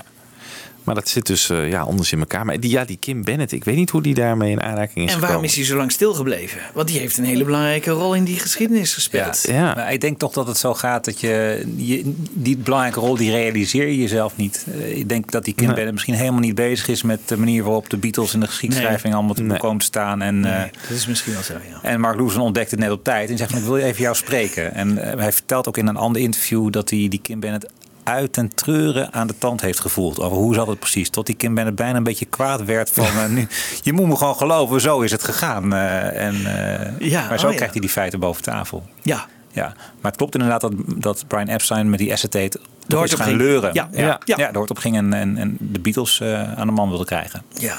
Ja, mooi. Het is bijna recherchewerk. Hè? Ik vind het echt schitterend hoe, Ja. dat, Ja. hoe dat dan gaat. Zou je die baan, dat vroegen ze straks ook al eh, af aan eh, Michiel, maar zou je die baan willen hebben van Mark Lewison? Zou echt de hele dag... Nou, je hebt dan geen voor- sociaal leven weer. Nee, je hebt geen ik. sociaal leven. Nee, nee. Nee. Ik- nou, ik, misschien even los van mij, maar we moeten wel constateren dat, dat de druk op hem gewoon enorm is. Gigantisch. De hele wereld zit toch te wachten op, op die volgende boeken. Hij wordt ouder. Het is een race tegen de klok. Eh, hij moet die, ja, voor, voor, voor zover die interviews kan gaan afnemen, moet hij dat echt gewoon in deze jaren zoveel mogelijk data verzamelen. Dat realiseert hij zichzelf ook, want mensen overlijden. Ja. De simpelste mensen, hè, mensen die bijvoorbeeld de Beatles heel vaak in de cavern hebben gezien, of eh, mensen van de fanclub die af en toe met ze mee zijn gereden, Ja. die moet hij spreken. Ja, en dan nog zegt hij, zijn die getuigenissen niet meer allemaal betrouwbaar. Eh, Hij, hij heeft het liefst papierwerk. hè? Dat klopt. zegt hij hier ook. Maar hij zegt ook wel, ik, ik voel vaak aan door de details die ze vertellen van dit klopt. Dit kan Ja. kloppen en dan, dan gaat hij erin mee. Eh, Oh ja. En hij heeft dus ook een soort gevoel voor dit klopt niet. Dit is een praatjesmaker en is iemand die het mooier aankleurt dan, de, ja, Zijn dan inkleedt het- dan het is. ja, dan het is. Oh, dus ja. daar heeft hij ook een gevoel voor. Ja. En dat maakt hem toch wel tot een puur zang historicus. Ja. Ja. Ja. Zou die iemand klaar hebben staan, stel dat hij omvalt? En dan Nee, al ik die aantekeningen. niet. Nee, ik denk het ook niet. Hè? Nee. nee, dat denk ik niet. Nee, daar zou hij wel over moeten nadenken. Ja. Ja, eigenlijk wel. Want, eh, maar dat is, en in Nou, zekere zin, in zekere zin is, het een, eh, is, is Mark Lewison zelf ook een soort wonder in de Beatles geschiedenis, Ja, zou je kunnen ja, zeggen. ja, zeker. Ja. Want eh, heb je nou andere artiesten? We hebben heel veel goede popboeken. Maar van deze kwaliteit, van deze grondigheid. eh, Dylan heeft zo'n zo'n persoon niet bij mijn weten. De Stones ook niet. Eh, Nee. Dus hij legt, en dat is misschien een ander punt waar we het nog niet eens over hebben gehad. Maar hij zet een standaard voor echt hele goede, gedegen popjournalistiek. En nou, niet echt journalistiek, het is meer. Het is echt geschiedschrijving op een Ja. bijna wetenschappelijke manier. Terug naar de primaire bronnen. Niks geloven van, eh, van verhalen die rondgaan. En eh, nou ja, dat is, dat is natuurlijk wat hij, wat hij eigenlijk aan het doen is. Ja. En een ander boek verscheen recent eh, vorig jaar. Dat heet The Beatles and the Historians. Dat vind ik echt een heel lezenswaardig boek. Dat gaat hier precies over. Dat laat ook zien wat de invloed is van Lewison en hoe we hem in zeg maar, de hele geschiedschrijving rond de Beatles moeten plaatsen. Zij onderscheidt bijvoorbeeld het, het tijdperk tot Philip Norman. Eh, hè, dus die, eh, ja, laten we zeggen, eh, het verhaal hoe dat rond die tijd tot, over de Beatles werd verteld. Wat natuurlijk ook alleszins lovend werd binnen, werd, werd onthaald. Alle kranten schreven daar zeer lovend over. Dit is de definitieve rockbiografie over de Beatles. En daarna eh krijg je dus vanaf 88 gewoon een nieuw tijdperk, zou je kunnen zeggen. Het tijdperk Lewison, waarin gewoon op een hele andere manier het onderwerp wordt benaderd. En dat is een, eigenlijk een nieuwe manier van kijken, van onderzoek doen, van, van schrijven over de Beatles, maar misschien zelfs over, over popmuziek in brede zin. ehm, die we niet gewend zijn en die wel de nieuwe maat der dingen wordt. En dat merkte je, vind ik zelf, een paar jaar geleden toen Philip Norman die biografie over McCartney heeft geschreven toen heeft hij ook interviews gegeven voor bijvoorbeeld Something About the Beatles. En die confronteerde hem er ook mee. Van ja, je hebt eh, niet eens het onderzoek van Mark Lewison in je onderzoek betrokken. Ja. Wat ben je voor waardeloze journa- journalist dan eigenlijk? Dus met andere woorden, we pikken het niet meer. We pikken het niet meer Nee. dat je er op, op die manier met, met een Jantje van Leijen van afmaakt. Ja. Nee. Eh, Het was natuurlijk ooit een, iemand die voor hem werkte. Dus dan, eh, ja, Dat, dat blijft dan in zijn achting waarschijnlijk nog zo. Oh, die Lewis, en dat Ja. was mijn assistent. Die ga ik niet quoten in mijn boek. Nou, het is een iets subtieler. Want ik heb Oh. nog eh, de eh, shout uit 2003 erop nageslagen deze week. En daar wordt in het voorwoord Mark Lewison geprezen als de toekomstige eh, ja, schrijver over de Beatles. En de kennisbron. Dus daar krijgt hij alle eer die hem toekomt. Maar toch is er iets gebrouilleerd geraakt in die verhouding tussen Philip Norman en Mark Lewison. Later, ik geloof dat dat ongeveer een jaar na het verschijnen van eh, Tune In is, dan moet Philip Norman een lijstje aanleveren voor de Britse krant The Guardian over de 10 beste Beatles boeken. Daar staat Tune In, gelooft of niet, niet in. En hij heeft, heeft wel een soort algemene inleiding waarin hij een type schrijver hekelt die alleen maar op een hele opzichtige manier met feitjes strooien en eh, heel oninteressante eh, fe- feiten in, in, in kaart brengen. En eigenlijk vindt hij een heel oninteressante manier van, ja, van schrijven over muziek. En dat zegt Lewison later ook in een van de interview van hij heeft me publiekelijk afgevallen. En daar is Lewison altijd heel omzichtig. Hè? Dus je gaat niet zeggen het was Philip Norman, maar het is onmiddellijk duidelijk dat hij het over Ja. Philip Norman heeft. Ja, heel Engels, heel polite. Ja, ja, dit is echt ongelooflijk. Hij heeft hem later nog een keer gevraagd, geloof ik, toch? Philip Norman of Lewison weer met hem aan een boek wilde werken. Ja, klopt. Ja. Ik weet niet welk boek dat was. Misschien het McCartney-boek wel, maar... Ja, hij heeft Maar dat heeft hij geweigerd. dat heeft hij geweigerd, ja. ja. En daarna is waarschijnlijk die, eh, dat lijstje gekomen dan. Maar Ja. Ja. Nee, maar dus, dus het is echt een nieuwe. En ik, dat, dat vind ik zelf wel echt een eye-opener. We, ja, we pikken gewoon niet meer dat je op die manier met een of andere. eh, met wat interviews hier en daar. En wie had Philip Norman ook weer? Oh ja, de, de nieuwe vrouw van Jim McCartney. Daar had hij dan heel veel informatie vandaan. Ja, dat Ja. vinden we dan toch eh, niet, Niet interessant Nee, genoeg, niet interessant nee. genoeg. Nee. Nee. nee. ik heb ook iets van, als er nu nog biografieën over de Beatles verschijnen, zou vind ik eigenlijk overbodig. Ik denk van ja, wat heeft het voor zin? We hebben het standaardwerk. Ja. Eh, Hebben we al één deel van en er komt nog veel meer. Ja.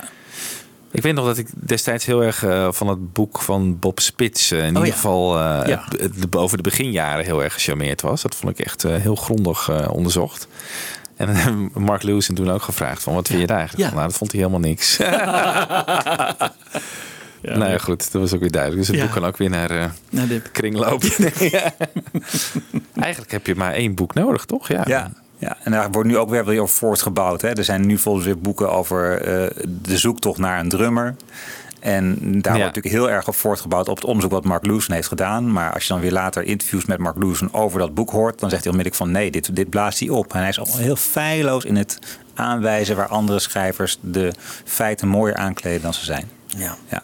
Eigent hij zich dan die positie ook gewoon wel toe? of hij, Hij is zichzelf? natuurlijk gewoon de autoriteit, laten we eerlijk zijn. Hè? Ja. Gedraagt hij zich ook zo een beetje, vind je? In Mm. de interviews? Van ik ben het eh, almachtige orakel als het op de Beatles komt. Vind ik, vind ik niet. Ik vind Nee. dat hij gewoon heel erg. eh, hij, is, hij is niet bepaald bescheiden, vind ik. Nee. Maar eh, hij zegt ook van: ik ben goed in dit type onderzoek. Ik kan goed schrijven. Ik kan goed feiten in kaart brengen. Mijn hunch voor ja, verhalen die kloppen of niet is gewoon goed. Dus daar, maar ja, eerlijk gezegd, dan kan ik daar geen spel tussen krijgen. En er is ook niemand die dat eerlijk gezegd ooit heeft aangetoond dat hij de zaak aantoonbaar niet goed Nee. weergeeft. Hè? ja. Nou ja, wat feitjes in, eh, Recording Ja, nee, Ja. heb jij het altijd over. Ja, Ja, nee, maar de- Ja. ja. Ja, ja, we moeten hem niet heilig verklaren, want hij heeft toen wel wat steken laten vallen, echt. eh, en en, en eh, ik denk dat hij dat nu ook niet meer zo snel zou doen. Maar Nee. Zou hij toegang weer krijgen tot Abbey Road om voor zijn boek? Of is dat gewoon echt geweest? Dat hij nog een keer denkt van nou, ik wil toch nog even wat opnames beluisteren. Ik denk dat dat wel gaat, want zijn relatie met Apple is heel goed. Ja? Maar Nou ja, maar ze zijn er heel moeilijk in hè, om, om derden Ja. te laten luisteren naar het materiaal. Hè? gaan we zo meteen ook nog een mooi verhaal voor. Zullen we nog even dat bewaren? Dat bewaren we oh, nog even, goed. We zijn eh, ja, eigenlijk in de kernjaren van de Beatles eh, vertelt hij in de interviews eigenlijk minder over. Is mij opgevallen. Hangt natuurlijk heel sterk samen met het feit dat hij juist rond eh, Tune-In eh, veel is geïnterviewd. Maar in een recent interview, en dat is ook wel een hele leuke podcast, die heet Humans in Love. Daar vraagt eh ene Zachariah Stockill.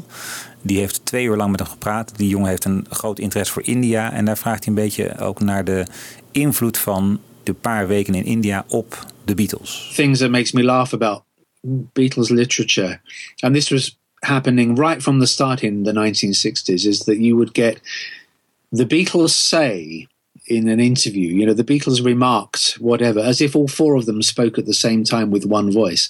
They they had a lot of common interests, and there was this wonderful thing that they had whereby if one person, one of the Beatles got into something, they would all four enthuse about it.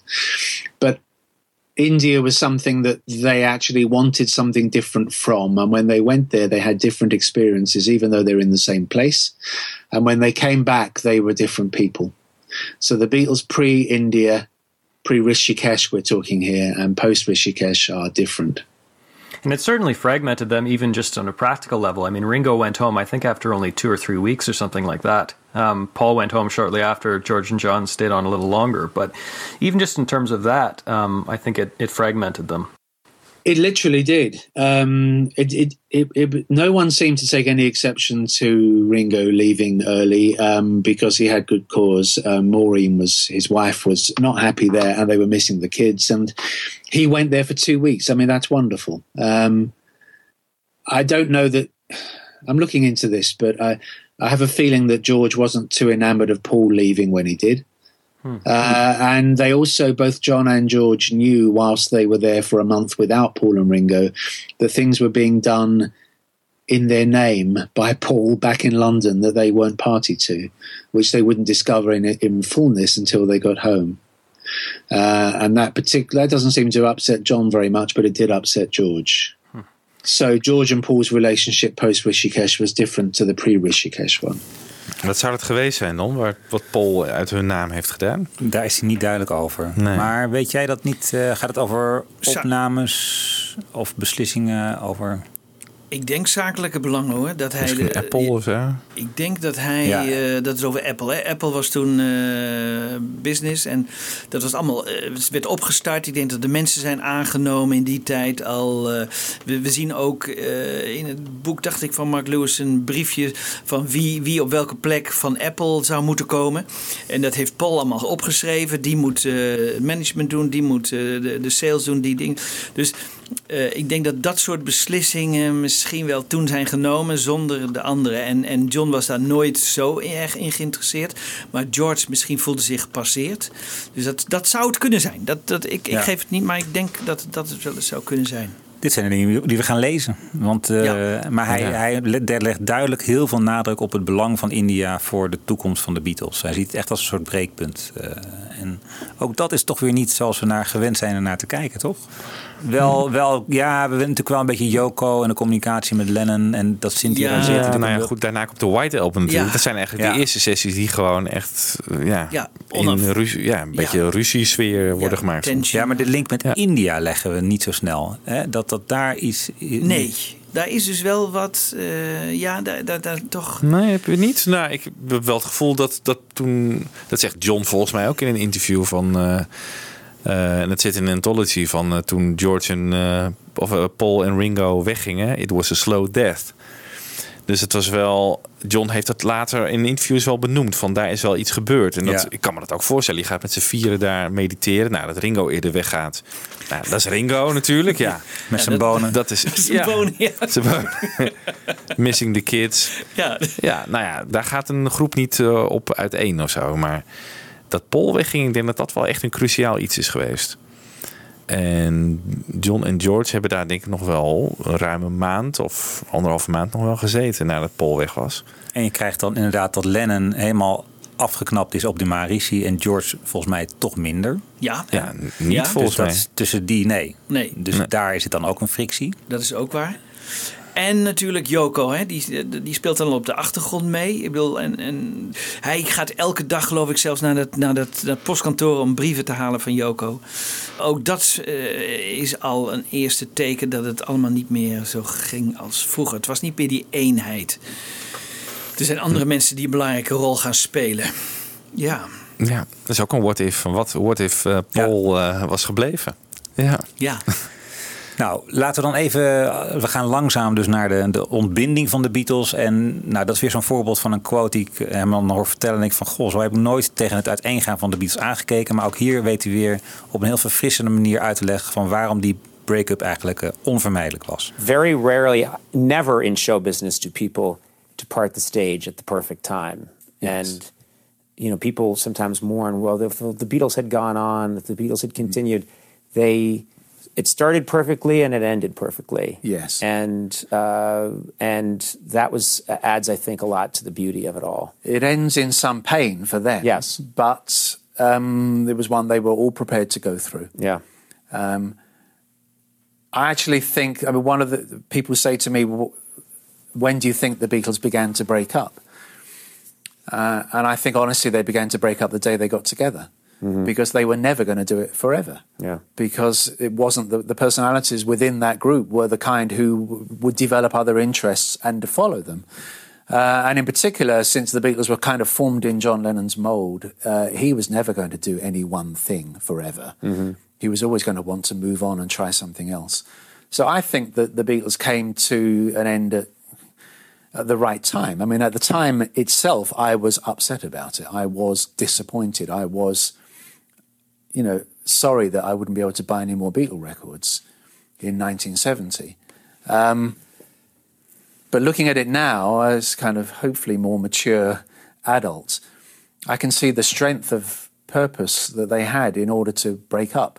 You've got the biggest act in the world who voluntarily break up because it isn't working for them anymore. Yeah. That is incredibly courageous. And I- your last album is Abbey Road. yeah, and the last track on it is the end. Yeah, it's, it's uh, if you if uh, Hollywood wrote it, it would just uh, be completely unbelievable.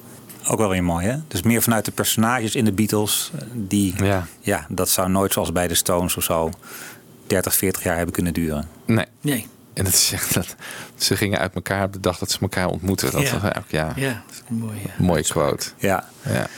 Hey, laten we doorgaan, want we hebben nog eh, best wel een stuk wat, jaren te gaan. Ik heb dat een klein beetje, eh, gaan we in grote, grote passen doorheen. Ehm, we gaan het hebben over McCartney, eh, de crisis die McCartney doormaakt in de jaren 80 gaan we het over hebben. We gaan het hebben over George en Mark en over Yoko en Mark.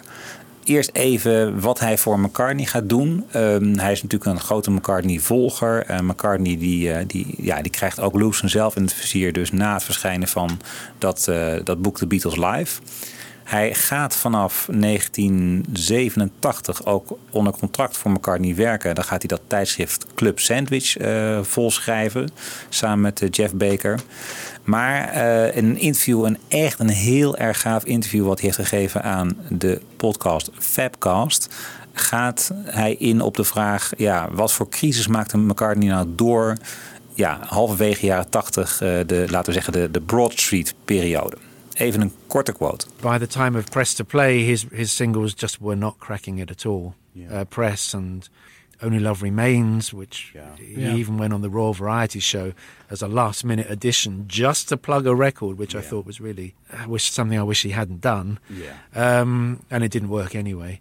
So And um, he remixed all of those singles. Oh, yes. All of the singles were Countless. remixed. Pretty Little It- Head. I think there Yeah. were nine variations of Pretty Little Head, and just uh, to try Angry and get some action. horns, everything. And Yeah. it, was like, God, stop already. you Yeah, know? but but the thing is, it's so easy to look at these artists purely through record releases, and that's that's the default action that we all have. We talk about the Flowers in the Dirt period and the Ram period and the Band on the Run period and so on, but what it really is is a man's life. And Broad Street showed us that he was willing for the first time to openly embrace his Beatle past. Now, the film Broad Street is the defining moment of Paul's post Beatles career, in that if you were to scale it on a graph, it reaches Broad Street and falls from there because Broad Street is a commercial and critical disaster. I love talking about "Give My Regards to Broad Street." I could t- I could write a book about it. um, not because I think it's the most wonderful film in the world, but because of what it says about who this man is. Yeah. It is unconsciously autobiographical. Like any creative piece of work, it is autobiographical in that this man made this at this time, what's going on in his head. And then if you really look at Broad Street, it's so revealing.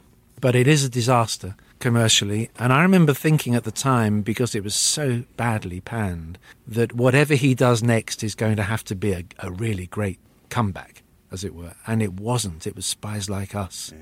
Yes. Spies Like Us to Oh. me to me was just oh god, it was just the worst thing he had ever done.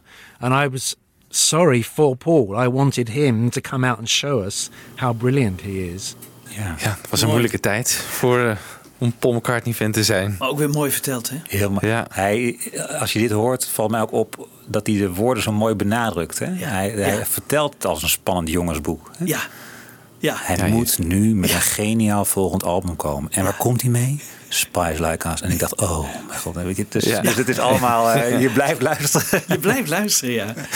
Ja. Ja. Ja, is het dan, want hij is niet heel veel, eh, omdat hij zo feitelijk schrijft natuurlijk, niet, hoor je niet heel vaak zijn mening of zo over Nee. dingen. En hier hoor je echt duidelijk, nou, Spice Like Us, dat is gewoon echt the worst thing that Worst. ever, ever made. Ja. Ja. Ja. Hij heeft zich, laat, later zegt hij ook over, is dat in de single press, dan zingt hij dus Oklahoma. It was never like this. En dan Ja. zegt hij over van, what is this? Behalve dan het eerste ding wat in je hoofd opkwam. Wat is dit? Wat zeg je hier? Wat zing je hier nou Ja. eigenlijk? Hè? Ja. Eh, dus eh, nee. Nou, die Broad Street Show moet er nog een keer komen, Oh, Michiel. is, eh, dan gaan we Mark gewoon bellen. Ja, dat lijkt me fantastisch. Ja. Gaan meteen door, jongens. Eh hier kunnen we heel lang over door, maar we gaan meteen door. Want we moeten ook even over George Harrison en Mark Lewison hebben. En dat is ook een heel moeilijke en weerbarstige relatie. En eigenlijk kent hij George al zo'n beetje vanaf half jaren tachtig. Hij is eh, onder meer bij de optredens voor Carl Perkins. En hij zegt er later over fantastisch. Want hij had George Harrison natuurlijk nog nooit live zien spelen. En daar speelt hij opeens. eh, en dat de tijd van zijn leven. De man die op dat moment gewoon een filmmaker was eigenlijk. Hè, en verondersteld gewoon toch de muziek de, de rug toe te hebben gekeerd. Maar nee, daar speelt hij en eh, daar geniet hij enorm van. Maar dan komen een aantal contactmomenten ehm, eh, en die gaan soms goed, maar uiteindelijk ook helemaal niet zo lekker. En dat hangt ook erg samen met het feit dat eh, Mark Lewison vanaf eh, dus de 87 de belangen van McCartney gaat behartigen.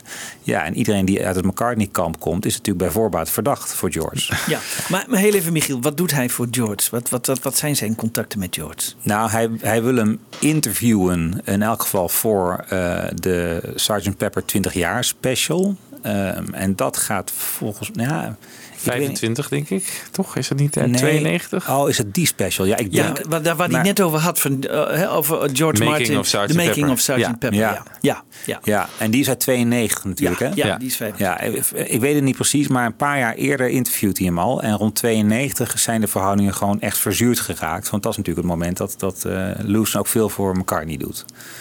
Hij heeft dus geen zakelijke relatie met George. Hij is echt. eh, die een contract heeft hij alleen maar met McCartney. Het gaat puur eigenlijk om, eh, om, om interviews eh, die hij graag met eh, George Harrison wil afnemen. And the first time I met George, um, I was there to interview him. It was at a film studios in the handmade films period. And he was running late from the previous interview. He was doing a, an afternoon of interviews, and I was like, you know, the penultimate one in the list, I think. And uh, but as ever with these you know, with rock stars, you can find yourself waiting three hours, you know, before after the appointed time. But he was great. He came out and said, "Look, I don't have time to do this now. Everything's been overrunning, but we could go for a drink if you like." And so, me and another guy, uh, also named Mark, Mark Ellen, we jumped in George's car, and he drove us around to the bar on the film set, on the film studio lot, and. Um, then we went for a couple of beers, which was great. I mean, it was just great to be sitting at a table having a couple of beers with George. We got on really well. I, you know, it, it was just natural. So when I actually did the interview with him a few days later, it was like we knew each other. And he was nice to me from that point on until I really started working for Paul. Um, and then he kind of just took against me. And the last time I saw him, he was really quite unpleasant. It was at George Martin's house in 1992. We were filming the making of Sergeant Pepper TV documentary, and I was consultant researcher on that, whatever. And um, George Harrison assented to do an interview for it and came over to. I was hoping we'd do it at Friar Park, but he said he'd come over to George Martin's house, which was great. He came over in his Porsche, and we hung out in George Martin's house for a while, which was a very nice thing to do, except that he was hum- unpleasant to me the whole time, George. And um, he tested me. Uh, he, he said, if you're an expert, you know, uh, he pointed to a picture in a book and said, who's that man? An Indian guy who was at a Beatles session. And funnily enough, I'd been at a Beatles convention in LA a couple of years earlier and someone had come up to me and said, um, "The man in that photograph, who you don't you don't know his name, um, his name is," and he wrote it down on a bit of paper, and I stuck it inside the book. And so when George said to me, "If you're such an expert, who's what's that man's name?" I was thinking, "Oh God!" I was trying to visualize that piece of paper, but I couldn't. And I, I couldn't remember the guy's name, and it was a guy called um, Omir Dasgupta who I now know quite a lot about because he's an interesting fellow and he was at the sessions and indeed lived at George and Patty's bungalow for a couple of couple of months, I think, in that period of time. Um, and I think played on Within You Without You as well. So that was the answer. But you know, um, not not a very cool thing of George to put me on the spot like that and kind of make that the acid test of whether I was an expert or wasn't. But you know, he was playing with me. And you know, the the thing about famous people is they always think they've got the power in any relationship, and um, and because because we other mere mortals kind of give it to them. And if if I was with him now, I'd just think I'd just tell him off. you know? Yeah, yeah. Um, because why not? Why not? Ja. Niet zo aardig, George. Maar echt vanaf het moment dus dat hij uh, doorheeft dat hij voor Paul werkt, gaat hij gewoon echt uh, nasty eh, tegen hem doen. Ja. Ja, dat denkt Lewis, hè, dat dat de reden is. Maar ja. Dat is toch ook een fascinerende relatie tussen die twee, hè, Paul en George. Ja. Daar moeten we ook nog eens wat over doen. Maar dat is zo complex volgens mij. Ook rond deze tijd juist, hè? want dit is ja, al die zakelijke deals zijn nog niet uh, bekokstoofd in 1992. Dus dan midden in allerlei rechtszaken. Ja, ja, ja. ja. Dat- Voor Anthology was Ja. het nog. Er moest eerst allemaal rondgemaakt eh, Ja. worden voordat ze daartoe bereid waren. Ja, dus daar, die, eigenlijk staan die Beatles onder hoogspanning wat dat betreft. En, en, het loopt wel een beetje tegen zijn eind volgens mij, toch? Want de eerste opnames van ehm Anthology zijn volgens mij 93, zoiets. Ja, maar goed. Filmopnames. in- ja, klopt. Maar dit, deze spanning speelt volgens mij in 92. Ja, het is een jaar daarvoor. Ja, en dat gaat natuurlijk weer terug naar de periode daarvoor. Daar heeft George natuurlijk, hè, denkt van waarom moet hij elkaar niet zo moeilijk doen en dingen. Ja, en het gaat volgens mij ook over die, die extra bonus die McCartney heeft bedongen Ja, in dat contract. Ja, in eh, dat contract. Ja. Ja. Dat is- heeft zoveel eh Ja. kwaad bloed gezet. Ja. Eh, dat is in 83 dan tot, tot, tot, tot een furieuze ruzie in dat Dorchester Hotel. Ja. Ja, en dat is gewoon nog niet opgelost. Ehm, wanneer is het? 1988 is de Rock'n'Roll Hall of Fame? Ja. Nou ja, Ja. Daar, daar zie je het al. Dat, Ja. dat, dat zeurt maar door. Ja. Ja, en daar, daar, daar kom je dus in die zin ook niet ongeschonden uit. Ook al heb je zo'n objectieve blik en kijk op zaken en deskundigheid. En op, ja, wat ik al zeg, objectiviteit is echt zijn grootste goed. Ja. En daar kom je toch niet ongeschonden uit. Triest. Ja. En eh, ja, hij vertelt ook eh, later in hetzelfde interview zegt hij ook van ja, ook eh, met Olivia hoor, heeft hij geen contact. Die wil niet met hem praten. Hij zegt ook als ik een half uurtje met haar zou kunnen uitleggen van wat mijn, wat mijn kijk op zaken is, dan, dan kunnen we het hopelijk uitpraten. En dan, nou, dan hebben we weer een goede, goede relatie met elkaar. Maar met die kant van het Beatleskamp wordt niet gesproken. Die praten niet met Mark Lewison.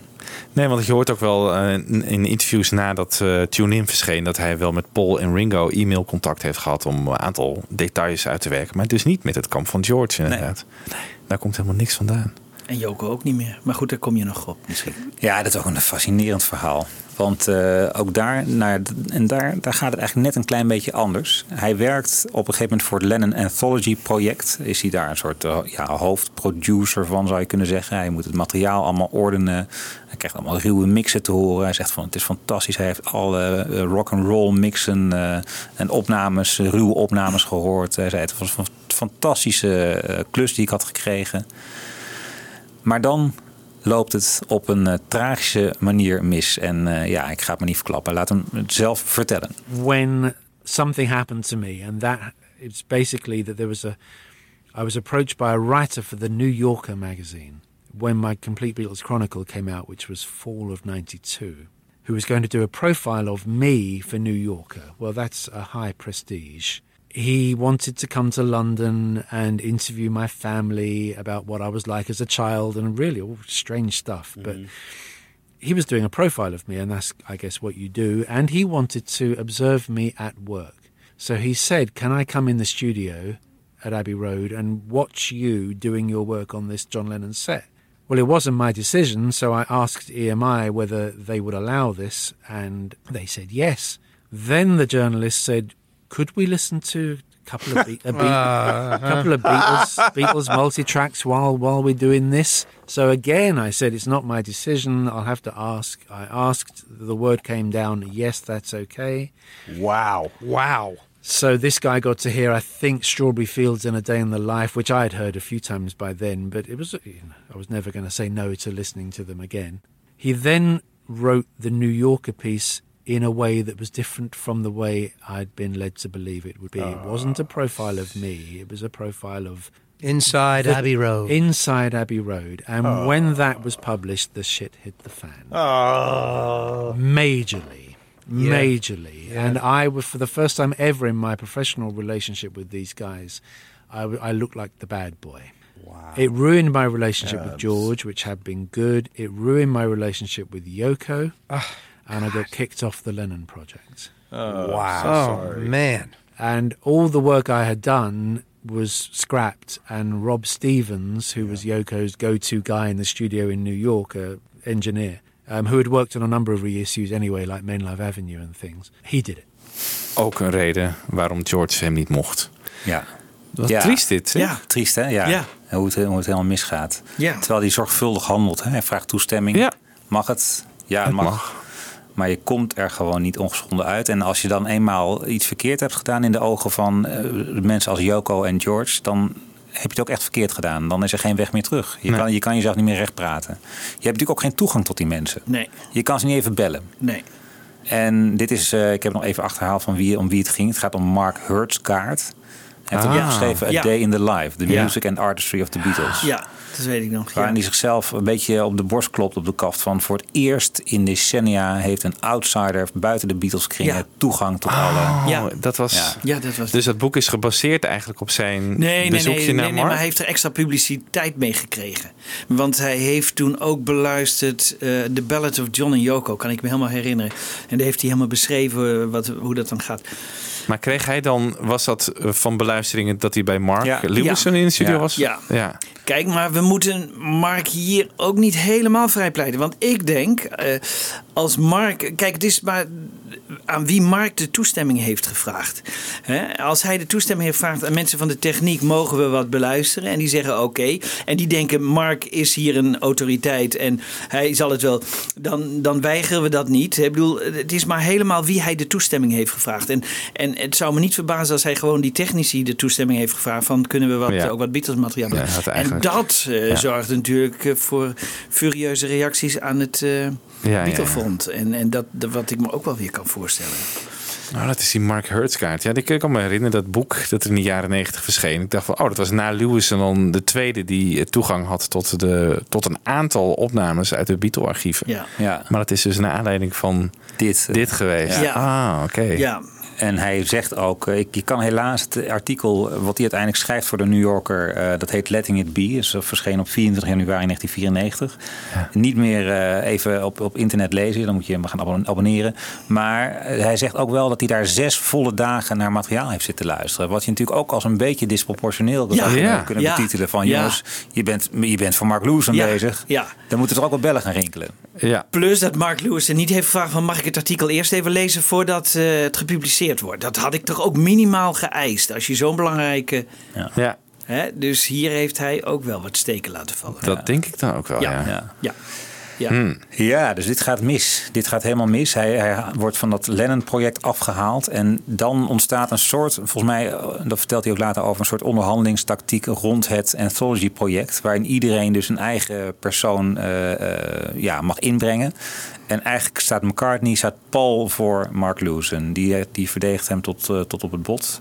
Dat houdt volgens mij ook een klein beetje samen met het feit dat op dat moment eh, Mark Lewison de beoogde biograaf van McCartney zou gaan worden.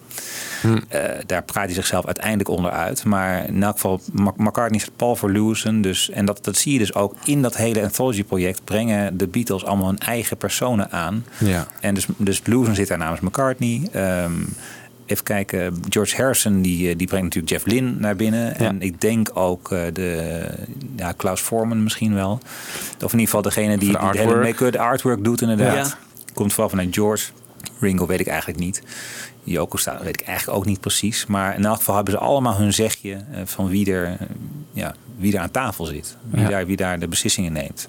Ik heb altijd wel het idee dat George daar eh, meer te eisen had dan de anderen of zo. Dat gevoelde ik altijd Ja. een beetje. Zeker met Jeff Lynne. Omdat je die sound zo... eh, Ja, ook. En Carnival of Light, dat wilde hij absoluut niet op Anthology hebben. Want dat was gewoon eigenlijk een... dat was geen Beatle-track. En eh, dat dat heel erg... ehm, ja, als McCartney iets mag, dan moest George zoiets... eh, hè, er moest 50-50 Paul en George zijn eigenlijk. Ja. Terwijl ja, dat waren niet de verhoudingen in de Beatles natuurlijk. Nee. Die tijd. Nee. Plus, ik heb ook wel eens gehoord dat George dat geld ook heel erg nodig had hè, van de Ja. Anthology in die tijd. Dat hij. eh, En misschien was Paul wel heel blij dat George überhaupt dit wilde doen. Want eh, Ja. hij heeft altijd zich zo afgezet tegen een reunie. ja, En dat hij al lang blij was van oké, George is aan boord. ja, en, Dus geef hem maar meer zijn zin of zo. ja, en, en George Ja. heeft toen ook gezegd van ik wil niet eh, dat Now and Then of zo, hè, of zo'n extra nummer. Ze hadden nog één. Ja, was ook George, Ja, was ook George. Ja. Ja. mocht niet meer, er mocht niks meer mee gedaan worden. Nee, wilde die niet. Ja, en je ziet het ook, hè? Als je, als je ze samen ziet, dan zie je toch altijd iets van Ja, spanning. spanning. Ja. Nou ja, als je kijkt hoe hij nu... Hij is nu natuurlijk aan het schrijven. Hij vertelt ook in een van die interviews dat hij af en toe wel behoefte heeft aan... Eh, en ook een verzoek aan McCartney richt... om toch over bepaalde personen, bepaalde gebeurtenissen... weer even een kort interview te hebben. Maar daar zit de deur nu toch ook wel dicht. Eh, Ja, wanneer is dat dan gebeurd? ja, dat weet ik ook. Ik, ik denk niet dat dat iets is wat erg per se tegen Mark Lewison is. Als wel dat McCartney gewoon eigenlijk niet geïnteresseerd is in dit megaproject wat Mark Lewison onderneemt. Hij heeft nooit eh, zelfs een reactie gekregen op de toegestuurde twee delen van Tune-In van, eh, vanuit het McCartney-kamp. Ehm, dus McCartney die, die heeft het daar niet zo op, op een of andere manier. En dat is toch, ja, die Beatles-biografieën of zo, daar heeft McCartney eigenlijk gewoon helemaal tabak van. Heeft hij genoeg van. Dus, Want- dus zelfs, zelfs een kort interview van een paar minuten Nee, hè? komt er niet. En zo merk je ook, en dat, dat, dat vind ik aardig hoor, zeker van die Fabcast, eh, dat interview met McCartney, je merkt zo, met, met Lewison, je merkt dat die, de, de, de persoonlijkheden zo belangrijk zijn. En dat, dat de, de, de koppigheid van zo'n McCartney, die is ook af en toe tenenkrommend. En, en echt dat je denkt van jongens, waar gaat dit over? Hij vertelt later bijvoorbeeld over Wingspan. Hij moet het fotoalbum van Wingspan, of het boek van Wingspan maken. Nou heeft McCartney bedacht, er is een interview met Mary McCartney geweest. En dat moet aan de basis liggen van het boek. Maar Mary McCartney heeft één van de Wings albums, en hij vertelt niet welke, maar heeft hij niet benoemd, heeft hij niet in het interview aan de orde gesteld. Dan zegt, zegt Lewison tegen McCartney: Mag ik vijf minuten van jouw tijd om nog even dat interview, even, even kort over dat album wat zaken te vragen? Dan weef ik dat in het verhaal en we een compleet verhaal. Nee, komt er niet van. Hè, Het gaat om zijn eigen boek, op zijn eigen verzoek, wat samenhangt met de compilatie. Ja. Eh, Zijn en eigen legacy Zijn ook eigen nog. legacy, ja. Ja. en niet, komt er niet van. Dus daar, weet je, daar zit ook iets... Maar ergens is hij dus gestopt om voor McCartney Ja. te werken. Is dat eh, te pinpointen? Welk, eh, is dat niet ergens tweede Nou, helft van de jaren negentig geweest? of Ik zo? denk zelf dat eh, Club Sandwich, wat natuurlijk was echt zo'n zo'n fanclubblaadje. En natuurlijk in het internettijdperk, op een gegeven moment houdt het op. Ja. Hij vertelt wel... eh, ja, bij de dood van Linda ja. houdt het op, hè? Ja, Ja. Dat, dat, eh, dat is dan 96 of eh, Nee, ja. 95. Nou, Wingspan is na de dood van Linda. Dus ik denk dat het 99 Ja. of 2000 is Ja. geweest, zoiets. Zoiets, ja. Ja. Wat wel interessant is, dat, hij- dat, dat, wat we weten is hoe hij eh, onder dat project van de grote McCartney-biografie uitkomt. Hè. Hij zou dus eigenlijk zeg maar de Barry Miles zijn geweest. En daarover zegt hij tegen McCartney... oké, ik wil het gaan doen. Maar hoe we het gaan doen is als volgt. We gaan echt de beste rockbiografie schrijven... die er ooit is verschenen over iemand. We gaan full disclosure. We gaan alles op tafel leggen. We gaan all the way. We gaan niet met een bepaalde agenda eh, het- het boek schrijven. En we gaan echt jou totaal omkeren. En we gaan het hele, het hele verhaal vertellen. Echt een boek zoals dat nog niet bestaat. En dat moet er komen. En hij weet al, Ja, dat, wil, niet. dat wil Ja. McCartney niet. Nee. Dus eh, en dat, dat wilde eigenlijk Lewison tegen die tijd zelf ook niet. Dus hij wist, op, als, ik als, het op als, die ik het manier zo breng. inkleed, Ja. dan word ik van het project gehaald. En dan ben ik eigenlijk nu vrij om tune-in te gaan schrijven. Ja, ja. Dus zo, Oh, ja, ja, ja. ja. en zo komt natuurlijk heeft Barry Miles. handig, Die, die, die, die vindt het prima om te gaan doen. Ja. En dan krijg je dat verhaal over eh, McCartney als de typische hippe avant-garde Beatle. Ja, precies. Hagiografie. Mo- eh, nou, een mooi boek, maar ook wel met heel veel kanttekeningen. Ja. Niet Ja. een boek dat Mark Lewison zou hebben kunnen schrijven. Nee. Nee. Nee, Paul is toch een PR-machine. Die, zou dan, die gaat nooit het achterste van zijn tong laten zien. Natuurlijk. Nee. Nee. Nou, ja. Eh, wil- Ik wilde maar besluiten eigenlijk met een mooie quote van eh, Mark Lewison uit eh, Nieuwsuur, waar hij ooit te gast is geweest, of die hem geïnterviewd hebben, naar aanleiding van Tune In. En ik dacht van ja, ik word wel vaak, wordt mij gevraagd van wat vind je dan nou zo mooi en die Beatles, zo'n oude band en wat, wat, waarom luister je daar nog naar, ben je daar zo in geïnteresseerd? En eh, nou, soms zit ik ook te denken, ja, wat moet ik daar nog op zeggen? Want het is ook een soort gevoel en zo. Hoe breng je dat nou mooi onder woorden? En eh, toen hoorde ik deze quote gisteravond en dacht van ja, dit is eigenlijk wat, eh, wat het moet zijn. Dus Lewis weet het heel goed te verwoorden. Jullie weten het mooi te verwoorden, dus deze ga ik uit mijn hoofd leren. En daarna sluiten we af met een nummer. Hè? Ja, welke zouden we ook weer doen? Hope for the Future. Oh. Wel toepasselijk, want eh, ja, we hopen gewoon dat eh, Mark Lewis nog vele jaren heeft. En eh, dat hij op zijn zeventigste de, alle, alle drie de delen af heeft. Ja, dat zou mooi zijn. Maar als er nog een vierde komt, dan moet hij nog ouder worden. Ja. Well, there are lots of good groups around in the 60s. There are lots of been good bands around always. Talented people doing interesting work, but the Beatles were they were their originators. They, they they started so many things. We wouldn't be talking about other bands if it wasn't for the Beatles. You wouldn't be talking about the Beatles if it wasn't for Elvis Presley and Buddy Holly.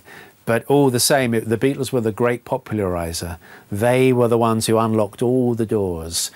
So they came first and everybody else rushed in after them. But when they rushed in, and the Beatles suddenly were in a very crowded field, they, uh, initially they were the only group, and then they were one of so many, they evolved, they changed, they had the courage to change. And very, very few people in life ever get to the top of their profession. But particularly in something like music, those who do will often say, We've made it! And that's it, that they've reached the top. With the Beatles, they always had the sense that you can get to the top, but staying there is the trick. Uh, and keeping it fresh and keeping it interesting. So as soon as all these people came in to copy them, they moved on and did something else, which was different. They moved on, and then everybody followed them again, and they moved on again, and then everybody followed, and they moved, and they kept doing that. They kept re, re, reinventing themselves and refreshing. These days, you'd say refreshing the brand, which obviously not what they would have said at the time. They weren't even necessarily doing it so consciously. It was just an extension of who they were. It's in their personality. It's in their DNA.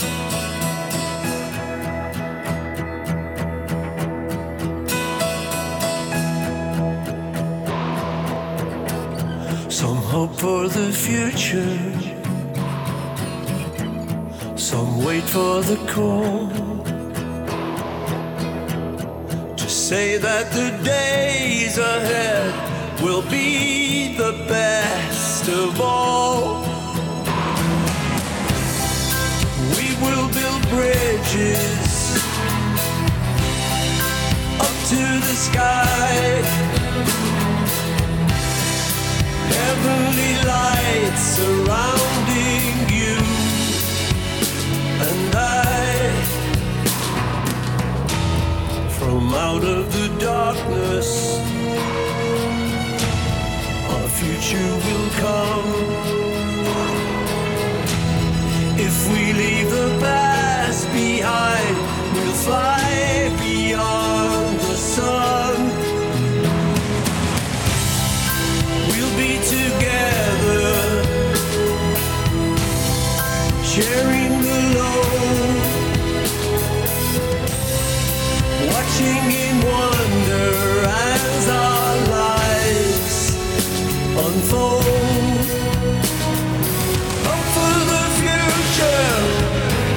coming soon enough.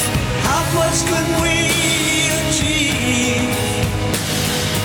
Hope for the future, it will belong to us if we believe. If we believe, hope shines brightest in the dark when nothing's ever seen. Lighting undiscovered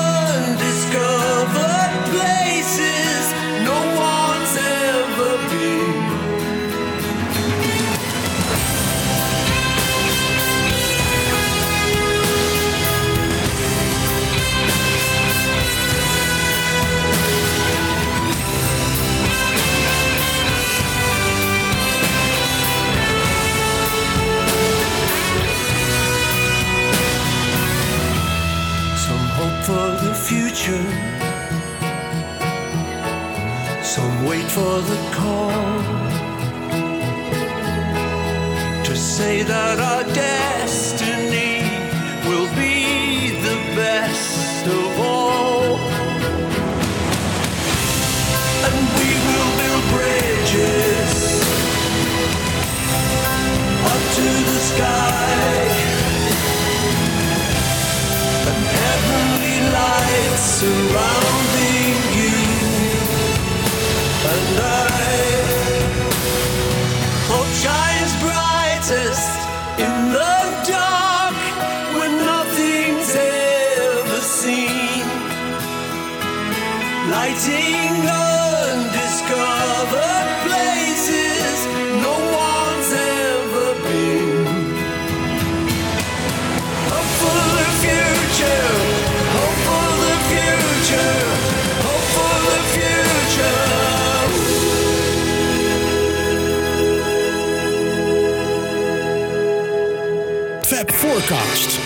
Luister ook naar Fab Forecast via beatlesfanclub.nl.